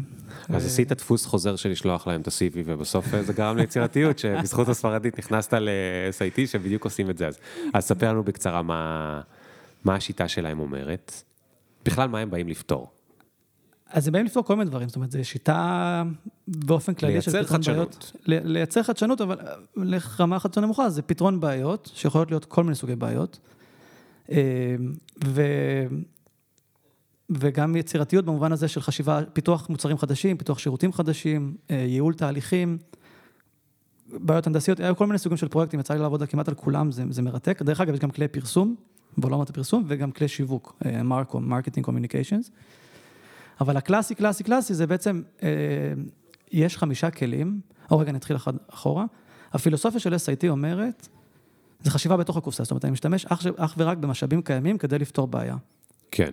אני משתמש במה שיש לי. ו- וזה נשמע פרדוקסלי, כי אם אני משתמש במה שיש לי, אז מה היצירתיות? הדרך לעשות את זה, זה להתגבר על קיבעונות חשיבה. הממ. זאת אומרת, הכלים של SIT, בדיעבד הם גילו את זה, עוזרים לך להתגבר על קיבעונות אה, קוגניטיביים. אה, והעיקרון השני זה, זה אותו עיקרון, זה אילוצים מגבירים מה יצירתיות. שיש פה בחדר הוא מספיק לפתור את הבעיה. אתה לא צריך להגיד, אין לי מספיק כסף, או אין לי מספיק זה, או אם רק היה לי עוד שני עובדים, או אם רק זה. מה שיש פה בחדר כנראה מספיק אה, לפתור את הבעיה, אבל לך יש איזשהו קיבעון מחשבתי שלא נותן לך לנסות לשחק עם הדברים הפוך. הוא לא שם את ה... אנחנו לא, אתה לא מציע לי לשים את השול... כאילו, אתה לא חושב שהשולחן הזה יכול להיות גם דבוק לתקרה, והמחשב הזה גם יכול להיות, אה, לשמש בתור, אה, לא יודע מה, mp3 player, ולכן אתה לא מצליח. אבל אם אני אפורר לך קצת את הפרדיגמות שיש לך, כי התרגלת, או כי הקמת את זה לפני חמש שנים ואתה רגיל, יכול להיות שתראה שפה בתוך החדר אתה יכול לפתור את הבעיה. לגמרי. מאוד אה, אה, מתיימר, נכון? כן. זאת אומרת, כאילו, זה מאוד אמיץ להגיד דבר כזה. כי, כי מה, כי מה, תמיד אפשר, כאילו, אז, אז כמעט תמיד אפשר, אני חושב, העני- העניין הוא, א', צריך להכיר בזה, כמעט כל שנה מתחיל בלהבין מה זה קיבעון, קיבעון חשיבה. אה, ומה שמדהים בדבר הזה, שאנחנו לא מודעים לזה. זה מאוד מתאים, דרך אגב, זה מאוד דומה להטיות קוגניטיביות. בעיניי פשוט זה עולם תוכן קצת אחר של פתרון בעיות, וחבר'ה קצת יותר זקנים, כי זה בשנות ה-20 וה-30 גילו את זה באירופה, והחבר'ה של הכלכלה ההתנהגותית אה, באו קצת יותר מאוחר. אבל בעצם אתה לא מודע לזה. הניסוי הקלאסי זה של קרל דונקר, אה, מתפרסם ב-45, הוא נותן לאנשים, אה, הוא מכניס אותם למין בקתה מעץ, יש שם נר, קופסת נעצים וקופסת גפרורים, והוא אומר להם לשים נר בגובה מטר ומעלה, להשתמש רק עם המרכיבים הקיימים. ורק 20% מהסטודנטים פותרים את הבעיה הזאת, ולקבוצה אחרת הוא שם את אותו דבר, רק הוא שם את הנעצים מחוץ לקופסה. ויש קופסה פתוחה, נעצים, קופסת גפרורים ונר. במקרה הזה, אני מניח שרוב המאזינים כבר מתחילים להבין, 80% פותרים את זה, שזה בעצם לשים את הנר על המגש, כאילו לוקחים את, הנעצ... את הקופסת נעצים עם מגש ושמים נעץ כדי, לוקחים את הקופסת נעצים, תוקעים נעץ כדי לשים אותה ליד הקיר, ואז שמים על זה את הנר. הוא היה הראשון שדיבר על uh, קיבעונות קוגניטיביים, וספציפית uh, קיבעון תפקודי, functional fixedness. זה אומר שיש לנו נטייה בעצם לתפוס את העולם, זאת אומרת, אנחנו מזהים כל אובייקט עם איזושהי פונקציה אחת. ברגע שאתה מבין שאתה תופס את העולם ככה, דרך אגב, זה לא עוזר לך בכלום, אתה עדיין תופס את העולם ככה. אבל אחד הכלים של SIT, שקוראים לו Task Unification, איחוד, הוא בא ואומר לך, קח מרכיב קיים בתוך העולם הסגור, ותן לו פונקציה נוספת שלא הייתה לו קודם, כן, שהיא לפתור את הבעיה לצורך העניין שלך. כן. אה, רגע, בכוח? כן, בכוח, ואתה עושה את זה באופן אוקיי. שיטתי. אז נגיד, ש... צעד, צעד, צעד. נגיד שהבעיה שלנו הייתה, סתם, תזרום איתי כדי שאני אנסה להבין איך זה מרגיש. נגיד שהבעיה שלנו הייתה, אני עכשיו סתם ממציא וזה, שאתה, רועי, עובד אה, אצלי ואתה רוצה לעזוב את ה... אתה, אתה, אתה לא רוצה להישאר. אתה נורא מאוכזב ונכנסת לחדר. ואז נגיד, יש מול העיניים שלי כרגע, יש מיקרופון, נכון? ואז השיטה אומרת לי, בוא תנסה לחשוב האם אתה יכול להשתמש במיקרופון הזה לשימוש שהוא לא להקליט פודקאסט, בצורה כזאת שתגרום לרועי להישאר, אוקיי? כן, ואז סתם אני אומר, יכול להיות שאני אגלה שאתה נורא אוהב לשיר, ואנחנו נשים פה קריוקי, ובעוד שנייה נרקוד פה עם אה, פיג'מות ו... כאילו, זאת אומרת, היא אומרת לך, תסתכל על כל האובייקטים, או שזה גם קונספטים, זה לא רק אובייקטים. זה אובייקטים, זה אנשים, כל האנשים בחברה. זה לא אוקיי, רק זאת אומרת, בחדר אני. יכול לחשוב, היי, מה רועי, אולי רועי יכול לעשות תפקיד לגמרי אחר בחברה, והוא יכול ישמח. כן, לעבוד אצל מישהו, אה, תהליכים, אתה מסתכל על פלטפורמות, כאילו הרעיון הוא בסוף לפרוט. כי אנחנו חושבים על דברים באופן הוליסטי. יש לנו, זה גם עניין של גשטלט, אז אתה תופס את העולם לא, לא ברמת המרכיבים. כשאני מסתכל עליך, אני לא רואה אוזניות, עיניים, שרוכים. כן. אני רואה את ליאור. כן. אבל השיטה מפר- מכריחה אותך בשלב ראשון לפרק למרכיבים Hmm. את המערכת, ואז זה פותח לך הזדמנויות, כי בעצם אתה פתאום רואה אוזניות וזה וזה, ואז אומר, איך אני משתמש בשעון שלך, איך אני משתמש בטבעת שלך, Hmm. איך אני משתמש, ב, זאת אומרת, בדברים מגניב. האלה כדי לפתור את הבעיה. וזה הכלי, דרך אגב, הכי פשוט, הכלי של האיחוד. יש כלים, אה, ארבעה אחרים הם יותר ויותר מורכבים. הכי מעניין בעיניי, לא, לא ניכנס יותר מדי לעומק, אבל קוראים לו הוספת ממד, ובעצם הרעיון שלו זה לשנות קשרים קיימים בעולם. מה זה אומר? תן דוגמה. נגיד, אין, קש, אין קשר כביכול בין הזמן ביום שאני קונה משהו לבין המחיר שלו, נכון? נכון. חוץ מ... חוץ happy מ- hour. נכון. happy hour זה, זה, זה דוגמה להוספת ממד, כי הם שינו את המערכת יחסים בין זמן ביום למחיר אה, של אה, מוצר. המחיר של הדרינק. אם עכשיו, נגיד, אה, אני מחזיק פה כוס, אה, ואני יכול, יש כוסות כאלה שברגע שאני שם מים חמים, הם משנות את הצבע שלהם. כן. בעיקר זה בקבוקים של תינוקות נגיד, כדי לדעת שזה לא זה. אז, אז שינית את הקשר, קשר בין צבע הבקבוק לטמפרטורה של השתייה. אוקיי. זאת אומרת, להוסיף מימד זה לחפש קשר חדש שעד היום אין אותו, ולנסות להוסיף. כן, אתה לוקח שני משתנים, כרגע אין ביניהם קשר, עכשיו תיצור ביניהם קשר.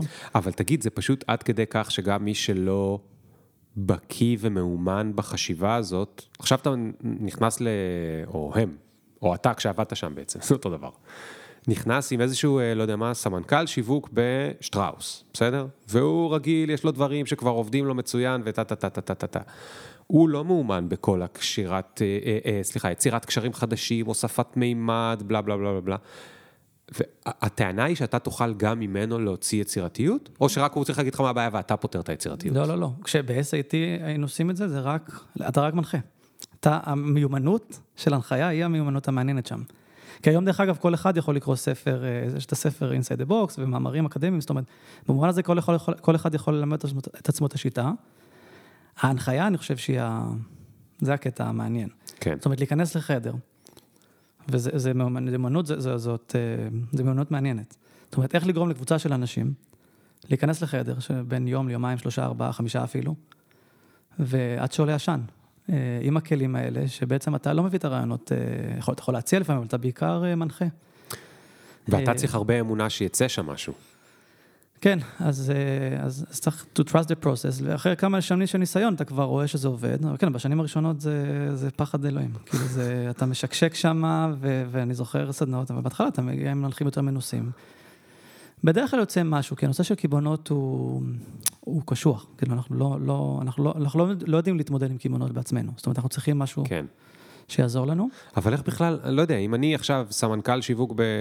סתם אמרתי שטראוס, לא משנה, בארגון אה, זה, ואני בן 50, ואני כבר, אתה יודע, עבדתי מאוד קשה להגיע למקום הזה. עכשיו בא איזה רועי צעיר אחד חמוד, והוא אומר לי שאני מקובע מחשבתית, אני כבר בהתנגדות. נכון. דרך אגב, התנגדות זה הדבר הראשון שאתה לומד כמנחה. איך להתמודד עם התנגדויות, והם באים בכל הצבעים וה... והמינים, עשינו את זה בכל מיני אה, מקומות בעולם. זאת אומרת, כן. אני כמעט ולא עבדתי כן. בארץ, רוב הפעילות שלי הייתה בדרום אמריקה, וגם בארצות כן. הברית וגרמניה. אז אתה גם רואה כאילו שזה מאוד תרבותי, איך ההתנגדות, אה, התנגדות בארץ היא הכי קלה, כי זה ישר בפרצוף, אין לך, אנשים לא חוסכים ממך. זה לא מוסווה. אבל מצד שני, כשאתה כן קונה אותם, כי הצלחת רעיון, אז הם מחבקים אותך. זאת אומרת, ישראלים הם אה, אותנטיים לשני הכיוונים. זאת אומרת, אתה תקבל ציניות, וגם אחרי שזה יעבוד, כן. אז הם יגידו לך. הם אמריקאים לא בהכרח.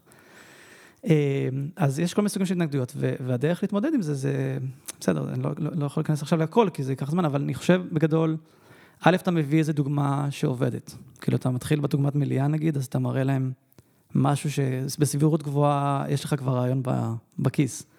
ואתה מראה להם שדרך השיטה זה הגיע לשם, כי אתה כבר מראש יודע שזה עובד. כן.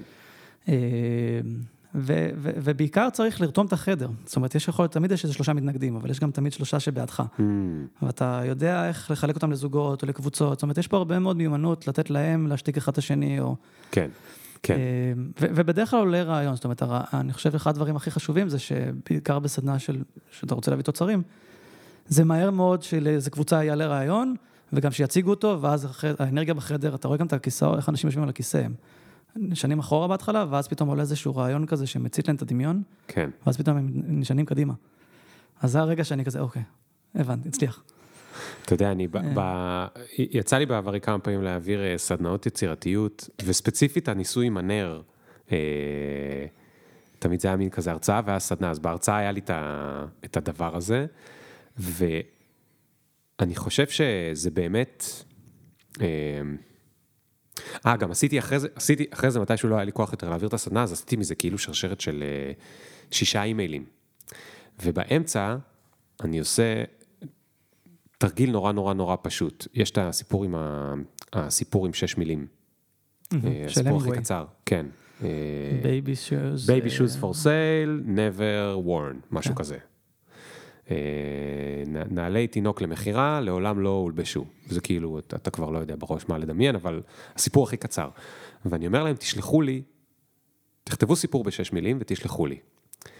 והקטע הזה, שאתה גורם לבן אדם שהוא מאמין בכל ליבו שהוא לא יצירתי, כי איזה מורה אמרה לו את זה בכיתה ג', או אבא שלו אמר לו את זה בכיתה ה', או וואטאבר, הוא לא היה טוב בציור ובזה, אז הוא הגיע למסקנה שהוא לא טוב ביצירתיות. ואתה גורם לבן אדם כן להעלות רעיון מקורי, זה רגע של uh, צמרמורת. זאת אומרת, אני רואה את זה הרבה פעמים כי הם, הם כל הזמן שולחים לי אימייל חזרה עם הסיפור הקצר שהם כתבו והם, והם נורא גאים, והם אומרים, נו, נו, מה אתה חושב, מה אתה חושב? וזה, ו, וזה, זאת אומרת, אני מניח שאני אני לא מכיר את SIT, אבל אני מניח שאחד ה, הדרכים שאפשר להשתמש בהם פה זה באמת העניין של, ה, של הפידבק לופ או הספירלה, זאת אומרת, אם אתה גורם להם קצת להתחיל להאמין שהם בעצם כן יצירתיים, והם כן יכולים להוציא דברים מקוריים שהם לא חשבו, וקצת לפורר להם, אז כאילו אפשר אחר כך לדרדר את זה למשהו הרבה יותר... אה, כן, מי שהכי אוהב את זה, דרך אגב, זו שיטה שמהנדסים פיתחו אותה, ומהנדסים מאוד אוהבים את השיטה הזאת, כי הם כביכול אומרים לעצמם, אני לא יצירתי, יצירתי זה תחומים של אמנות והשראה וזה, ואז פתאום רואים מתודולוגיה סדורה, ממש כן. כאילו זה מדבר אליהם, כן. ואז אומרים, וואו, כאילו, אני יכול ממש לעשות את זה. עוד דבר, רק שאני אגיד, אמרת קודם על השש מילים האלה, זה בדיוק העיקרון של אילוצים מגבירים יצירתיות. זאת אומרת, זה, זה ה-bread and butter של SIT, זה מתכתב עם העולם הסגור שאמרתי קודם. אמ, וזה גם, יש ניסוי מאוד מעניין שעשו, שמתחבר, דרך אגב, הנה, חיבור מעניין למדעי ההתנהגות. נתנו לאנשים לרשום כמה שיותר דברים, אמ, לרשום כמה שיותר דברים לבנים. סתם רשימה של דברים כן, לבנים? כן. אוקיי. ואז אמרו לקבוצה אחרת, או ואז לאותה שאלו קבוצה אותה משהו את מסוימת. הפרה? סתם, זה אוקיי. אחר. אוקיי. אה, ולקבוצה אחרת, או לאותה קבוצה אחרת, אני חושב קבוצה אחרת, לרשום כמה שיותר דברים לבנים במטבח. אוקיי. וקבוצה שלישית, כמה שיותר דברים לבנים במקרר. וואו.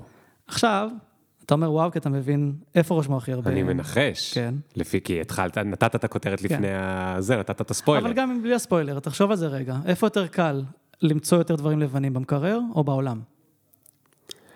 לא, אם, היית, אם באמת לא היית נותן לי את הספוילר, או בוא נגיד ככה, אם לא הייתי מכיר יצירתיות, הייתי אומר שלכתוב דברים לבנים, יהיה לי פי עשר יותר מדברים לבנים במקרר. נכון, זאת. האינטואיציה. זה, האינטואיציה יותר, שלי. יש יותר. כן, יש יותר, אז ברור יש יותר שיותר. ממה לבחור. אבל כשיש יותר מדי מה לבחור, אז המוח לא יודע לאן ללכת. ומה שמאוד מעניין בסיפור הזה, אז, אז הספוילר הוא, בסדר, במקרר יותר קל למצוא, כי אתה מוצא את החלב, את הגבינה, ואת הגבינה, כאילו, והיוגורט ואת והקוטג'. וזה, כן, ואם היית עושה את זה בעולם, אז אתה כזה, אה, מה, אה, חתול, נכון, כאילו. כן, כן.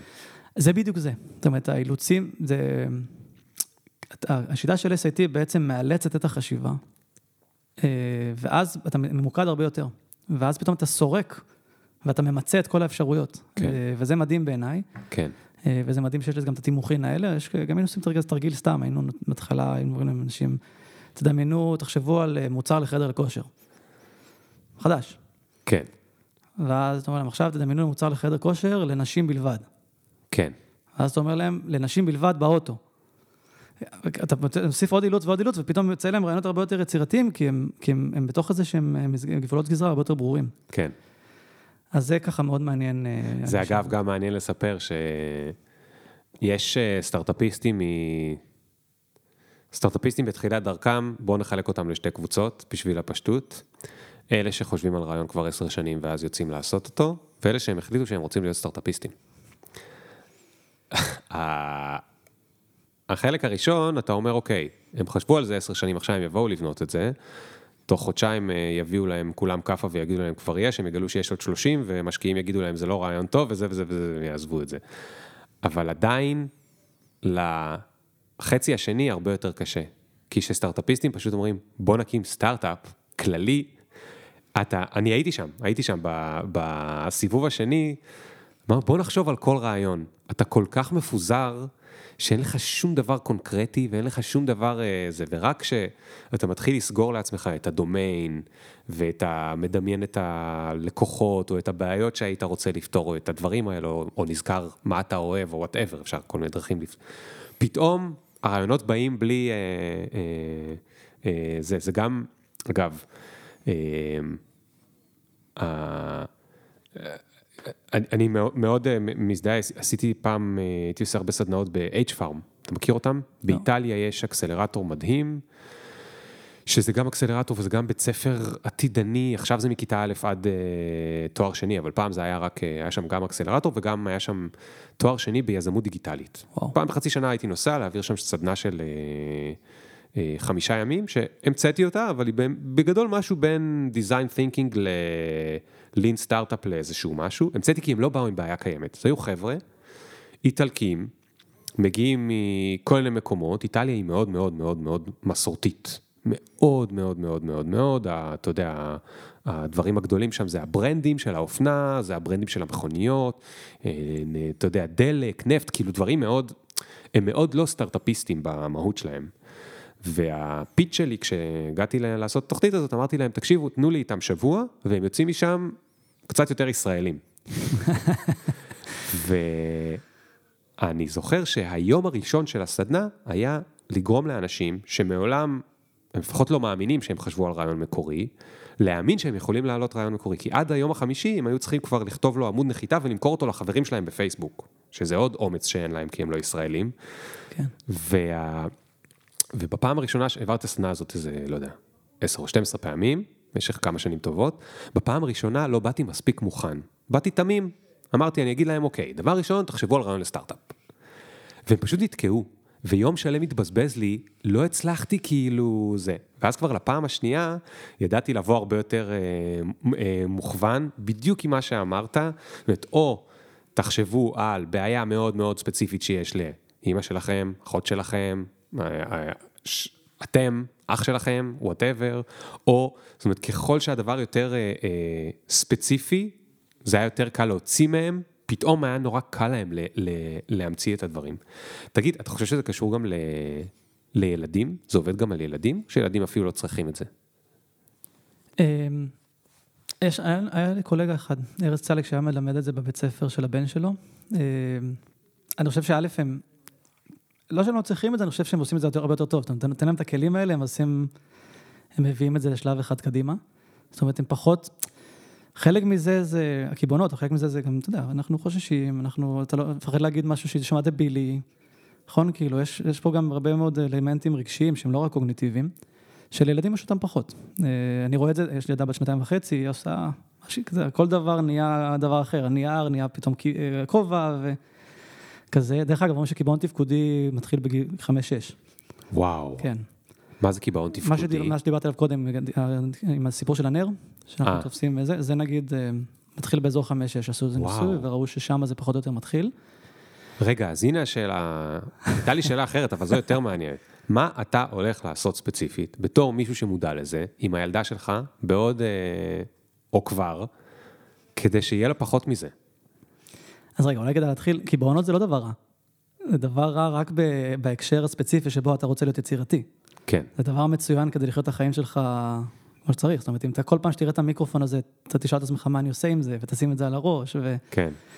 ולא לא תתקדם הרבה. עזוב, בוא נתחיל אחורה, אם אתה מגיע הביתה, קם בבוקר, רואה שעון מעורר ולא יודע מה לעשות איתו, אז אתה כנראה. היה פה דוקטור, אורי לירז, אז הוא אמר, אה, כן, אם כל פעם שתגיע לכביש אתה תחשוב האם הוא כביש או לא כביש, אז כנראה שהרבה פעמים תידרס. כן, בדיוק. אז, קיבעון תפקודי זה דבר אה, מצוין רוב הזמן.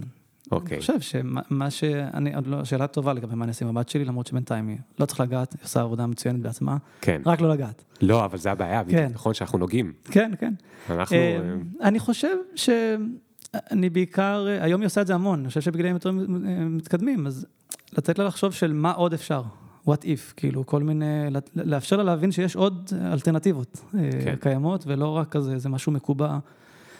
אבל עוד לא הגענו לשם, זאת אומרת, היום אני רק במצב של... כן. אה, יאללה. אז אני, אז אני אגיע כן לשאלה שרציתי לשאול בעצם, רציתי לשאול לגבי עצמך.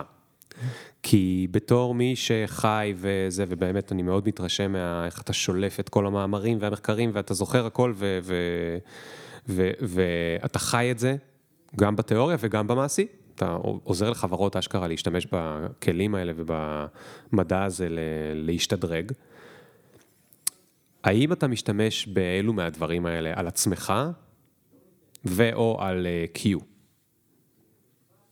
כן, אז עכשיו קצת קשה לדעת מתי אני משתמש, לפעמים גם הייתי עושה את זה באופן אקטיבי, אתה יודע, מפרק למרכיבים ואת כל הדברים שאמרתי לך. עכשיו רגע, אני אגיד שני דברים שונים, יש פה את השיטה של SAT של חשיבה יצירתית, ויש את הממצאים ואת המחקרים ממדעי ההתנהגות, שזה שני כן, עולמות תוכן כן. שונים שהם אצלי כן. יושבים לא ביחד. משנה, אי ו- אילו אה, כן, אז אני מהדברים חושב שדיברנו שכל. מה שדיברנו עליו ממש בהתחלה. אה, המבנה, המודל של Q, לפני שקראתי על כל מיני מבנים ארגוניים שעובדים ככה, זה התחיל דווקא משאלה יותר עמוקה התנהגותית.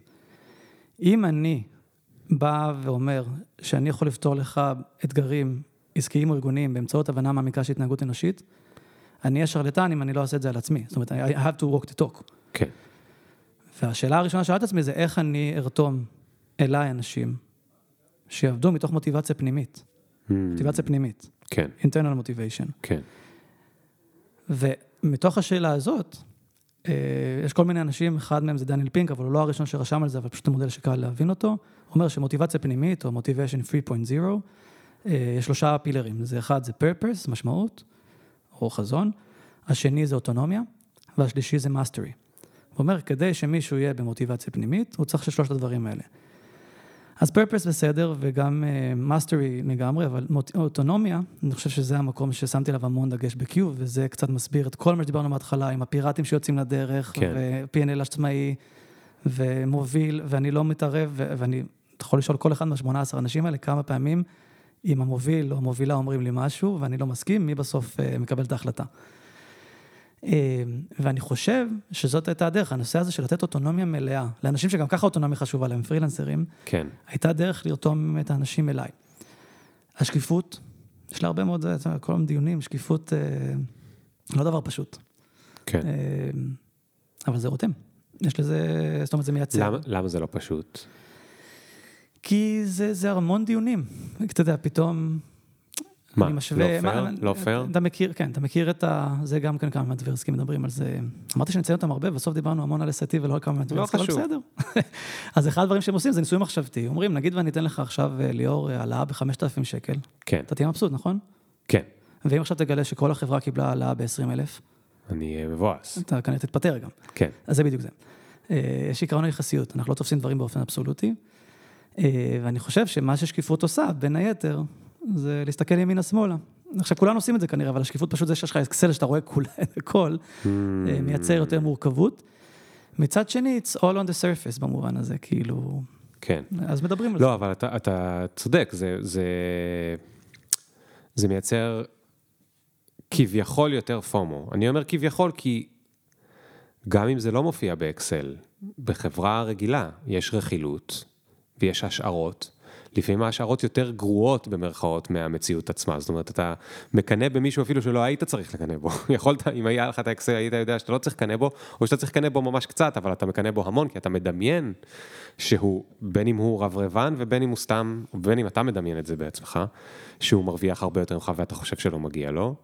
אה, אבל זה באמת מסובך, ואגב, אה, אתה יודע, דיברנו על, אז שני דברים שציינת, אוטונומיה ושקיפות, הם נידונו פה הרבה פעמים בפודקאסט, בזווית של, אני גם מאוד מאמין בשלישייה של דניאל פינק, אני ממש ממש ממש, זה כבר קיים איזה שבע שנים נראה לי, התד הזה שלו, כל מקום שאני מנסה עם זה, זה פוגע, עוד לא ראיתי לזה הוכחה שלילית, וגם השקיפות, אבל אמ, יש היום, בוא נוסיף איזשהו נדבך שמרגישים אותו מאוד היום, שקשור נקרא לזה בגרשיים העולם החדש, וזה אה, נאמנות, או יותר נכון חוסר נאמנות, או יותר, או יותר מדויק, הקלילות שבה אתה יכול לדלג, אוקיי? אז קודם כל בתור עובד, נגיד עובד בתעשייה שהיא טובה, או שהעובד הוא טאלנט בתעשייה שלו, לא משנה מה התעשייה, יותר קל לו היום לדלג מפעם. קודם כל כי זה יותר מקובל.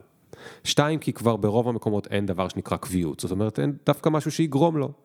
להפך, הוא יכול לשפר את השכר שלו, והוא יכול לשפר את המעמד שלו ואת הטייטל שלו, אם הוא ידלג, אוקיי?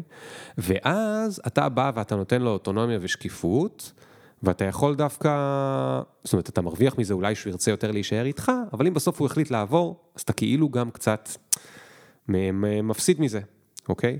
עכשיו, אצלך זה על אחת כמה וכמה, כי זה פרילנסרים. זאת אומרת, בכלל אין, החבל שלך הוא כל כך דק, הקשר ביניכם הוא כל כך דק. זה לא באמת שאתם קהילה, אתם לא גרים אה, ביחד ביחד עם השני, והערבות ההדדית שיש לכם, היא נכונה לפרויקט ספציפי. הפרויקט הזה נעלם, אני יכול להגיד לך, ביי, רועי, אני עף מפה, לא רוצה להיות יותר ב-Q, בידידות או לא בידידות, תלוי מה, מה היה. אז א', אני מייצר קהילה. אה, אתה צודק, זאת אומרת, כל הסיכונים שם, אה, בפועל כרגע אנחנו מסתדרים מצוין. אני חושב שיש כמה דברים נוספים שקורים, זאת אומרת, העובדה שאנחנו נפגשים פעם בשלושה שבועות, העובדה שזה קהילה אקסקלוסיבית, לא כל אחד נכנס. דרך אגב, לא דיברתי על תהליכי גיוס, אבל היום זה, הם בוחרים את האנשים שנכנסים, במובן הזה שעולה מועמד, שני אנשים או שלושה אנשים, הוא הולך לאתר אינטרנט, מסתכל על האנשים, בוחר שלושה, הוא בוחר. והוא מדבר איתם ראיון של שעה, והם בסוף אומרים לי כן, לא. וואו. ואם יש איזשהו, הם מחלוקת, מדברים על זה וכולי. בסוף המילה האחרונה היא שלי, אבל אם שלושה אנשים אומרים לי לא, אני לא אתווכח איתם. אה, ואז יש פה גם עניין של ה... זה שהם שומרי סף בתוך הדבר הזה. כן. אה, יש פה עניין של קהילה, זאת אומרת, אותם 18 אנשים, זה לא עכשיו כל פעם אני מביא מי פנוי באלנבי, אה, זה, זה, זה לא סתם פרילנסרים, זה פרילנסרים, וגם היו טעויות. צריך לעשות אנשים שהיו צריכים לצאת. ו- כי הם לא התאימו באופי. אתה לא רואה את זה על הגב שלי, אבל יש לי לא מעט צלקות מאותם אנשים, שתוך כדי פרויקט אני מבין שזה לא מסתדר, התלהבו מהרעיון של המודל שבו הם מקבלים סכום כן. כסף כזה, אבל בפועל הם לא מאוד מתאימים ל... זה קצת קיבוץ, זה לא קיבוץ, זה ההפך מקיבוץ, שמעתי את החבר'ה מסופי, זה- אנחנו ממש לא כאלה, להפך, אנחנו, זה קפיטליזם, אה, אתה לא מצליח בפרויקט, כנראה שאין לך פרויקט בפעם הבאה. כן. זה לא, זה לא כזה. אבל יש כאן מובא של ערבות הדדית, כן, זה אחד העניינים פה. ו- ולמה זה ערבות הדדית? כי אם אתה ואני עובדים על פרויקט, ואתה מפשל, אני לא רוצה אותך בפרויקט הבא, לא רוצה אותך איתי. כן. ואם אני רואה שמישהו מסוים, לא, לא, אף אחד לא רוצה לשחק איתו ב playground, אז באיזשהו שלב הוא כנראה יצא החוצה. כן. אני כן אגיד משהו מאוד מורכב, עד עכשיו לא היה לנו חוזה משפטי. אנחנו ארבע וחצי שנים עובדים ביחד, וואו. לא היה חוזה משפטי. בגלל כל מיני דברים, גם הקמנו חברה עכשיו, כאילו נהיה יותר מורכב העניינים, אז בגלל שאני חתום, הייתי חתום כעוסק מורשה על הרבה מאוד אה, חוזים מאוד מורכבים, הייתי צריך גם להחתים. כן. אז הנה, Q, דוגמה ל-Q. אז ביקשתי מעורך הדין לעשות אה, את החזוי הכי פחות דרקוני שיכול לחשוב עליו, אה, כי זה אנשים שהם שותפים לדרך, הם לא שותפים עסקיים אה, ב-Q, אבל הם שותפים לדרך. והוא כתב אותו, שלחתי את זה לאנשים, ואף אחד לא חותם על זה. אה, ואז הבנתי שצריך רגע לעשות על זה זה, אז אמרתי, טוב, תגיבו על הדבר הזה, אני רואה מלא תגובות, אמרנו, טוב, הבנתי. שיחה עם עורך דין. אז עולים, כל מי שרוצה, שיעלה לשיחה עם עורך דין, עולים כולם, ומתחיל דיון. זה, זה לא, זה לא, וזה לא, ויש עכשיו, אנחנו עדיין, אף אחד לא חתם על החוזה, כן.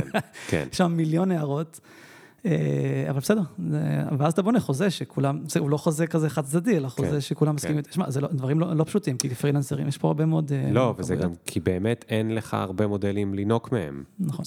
העורך דין לא הוציא template שהיה לו במגירה. הוא היה צריך להמציא משהו ש, שאין אין ממנו לפני. אה, תשמע, קודם כל, כל הכבוד, זה מעורר השראה, זה מדהים, זה בעיניי סופר כאילו שימוש ב, ביכולות שיש היום בלעבוד רימוט, בזה שהרבה אנשים רוצים להיות עצמאיים. אה, זה ווין ווין מהרבה בחינות, אז כל הכבוד על, ה, על הפרויקט הזה, הוא מגניב אותי ואני מקווה שהוא... אה, שתמשיך לעשות את האבולוציות וההתאמות כדי שהוא ימשיך אה, לשגשג ולגדול, ממש כיף. וגם הרבה תודה על כל השיתוף אה, ידע, זה היה ממש אה, מעניין ונחמד. וזהו, לא הספקנו לדבר על הכל, כי היו עוד, עוד מלא דברים, אבל אני רק אזרוק פה, יש, אולי אתה מכיר אותו. בפריקונומיקס יש שני חבר'ה, בוא נ- אני נגיד לא זוכר טוב שמות כמוך, אה, והיותר מבוגר מהם, תכף אני אזכר בשמו, אה, יש לו פודקאסט שנקרא People I Mostly Admire. אתה יודע, הייתי נכנס, אבל פשוט ה... ה... החלפתי טלפון והכל אה, התגלץ' לי, בוא נראה אם אני מוצא את זה רגע, כי אני חושב שהוא ממש למי שאהב את הפודקאסט הזה, אני אומר לכם איך קוראים לו, רגע, רגע, רגע, קוראים לו, אה, סטיב לויט. אה, כן. סטיב לויט. הוא כאילו היותר מדען ביניהם. אה, את הפודקאסט של Freakonomics עושה השני, אבל סטיב לויט מארח שם המון אנשים מכלכלה התנהגותית, זה מאוד מאוד מאוד מאוד מעניין. ואתה יודע מה, בוא נעשה כבר plug-in גם לפודקאסט שלך, שהוא גם בנושאים דומים, נכון? כן, אז תספר במשפט. ובעברית. זה ובעברית, זה תהיה. הפודקאסט הראשון אה, שמתעסק בתחומים האלה של תובנות התנהגותיות, כלכלה התנהגותית, מדעי התנהגות. אה, אז אני מארח אותו ביחד עם תום אבן, קוראים לו, הוא מעצב, מעצב UX, אנחנו קוראים לו Mindesign, עם D אחת, Mindesign. זהו, פרקים קצרים, 20 דקות, חצי שעה, 40 דקות, שאו שאנחנו מסבירים על איזשהו אפקט בפסיכולוגיה התנהגותית, או מארחים מישהו מהתעשייה שמתעסק בעולמות האלה. מדהים. אה, זהו. רועי, המון המון המון המון תודה. תודה ליאור ותודה למאזינים ולמאזינות. יאללה, אה, ביי חברים, ת- תהיו טובים, תיסעו בזהירות, וניפגש בפעם הבאה.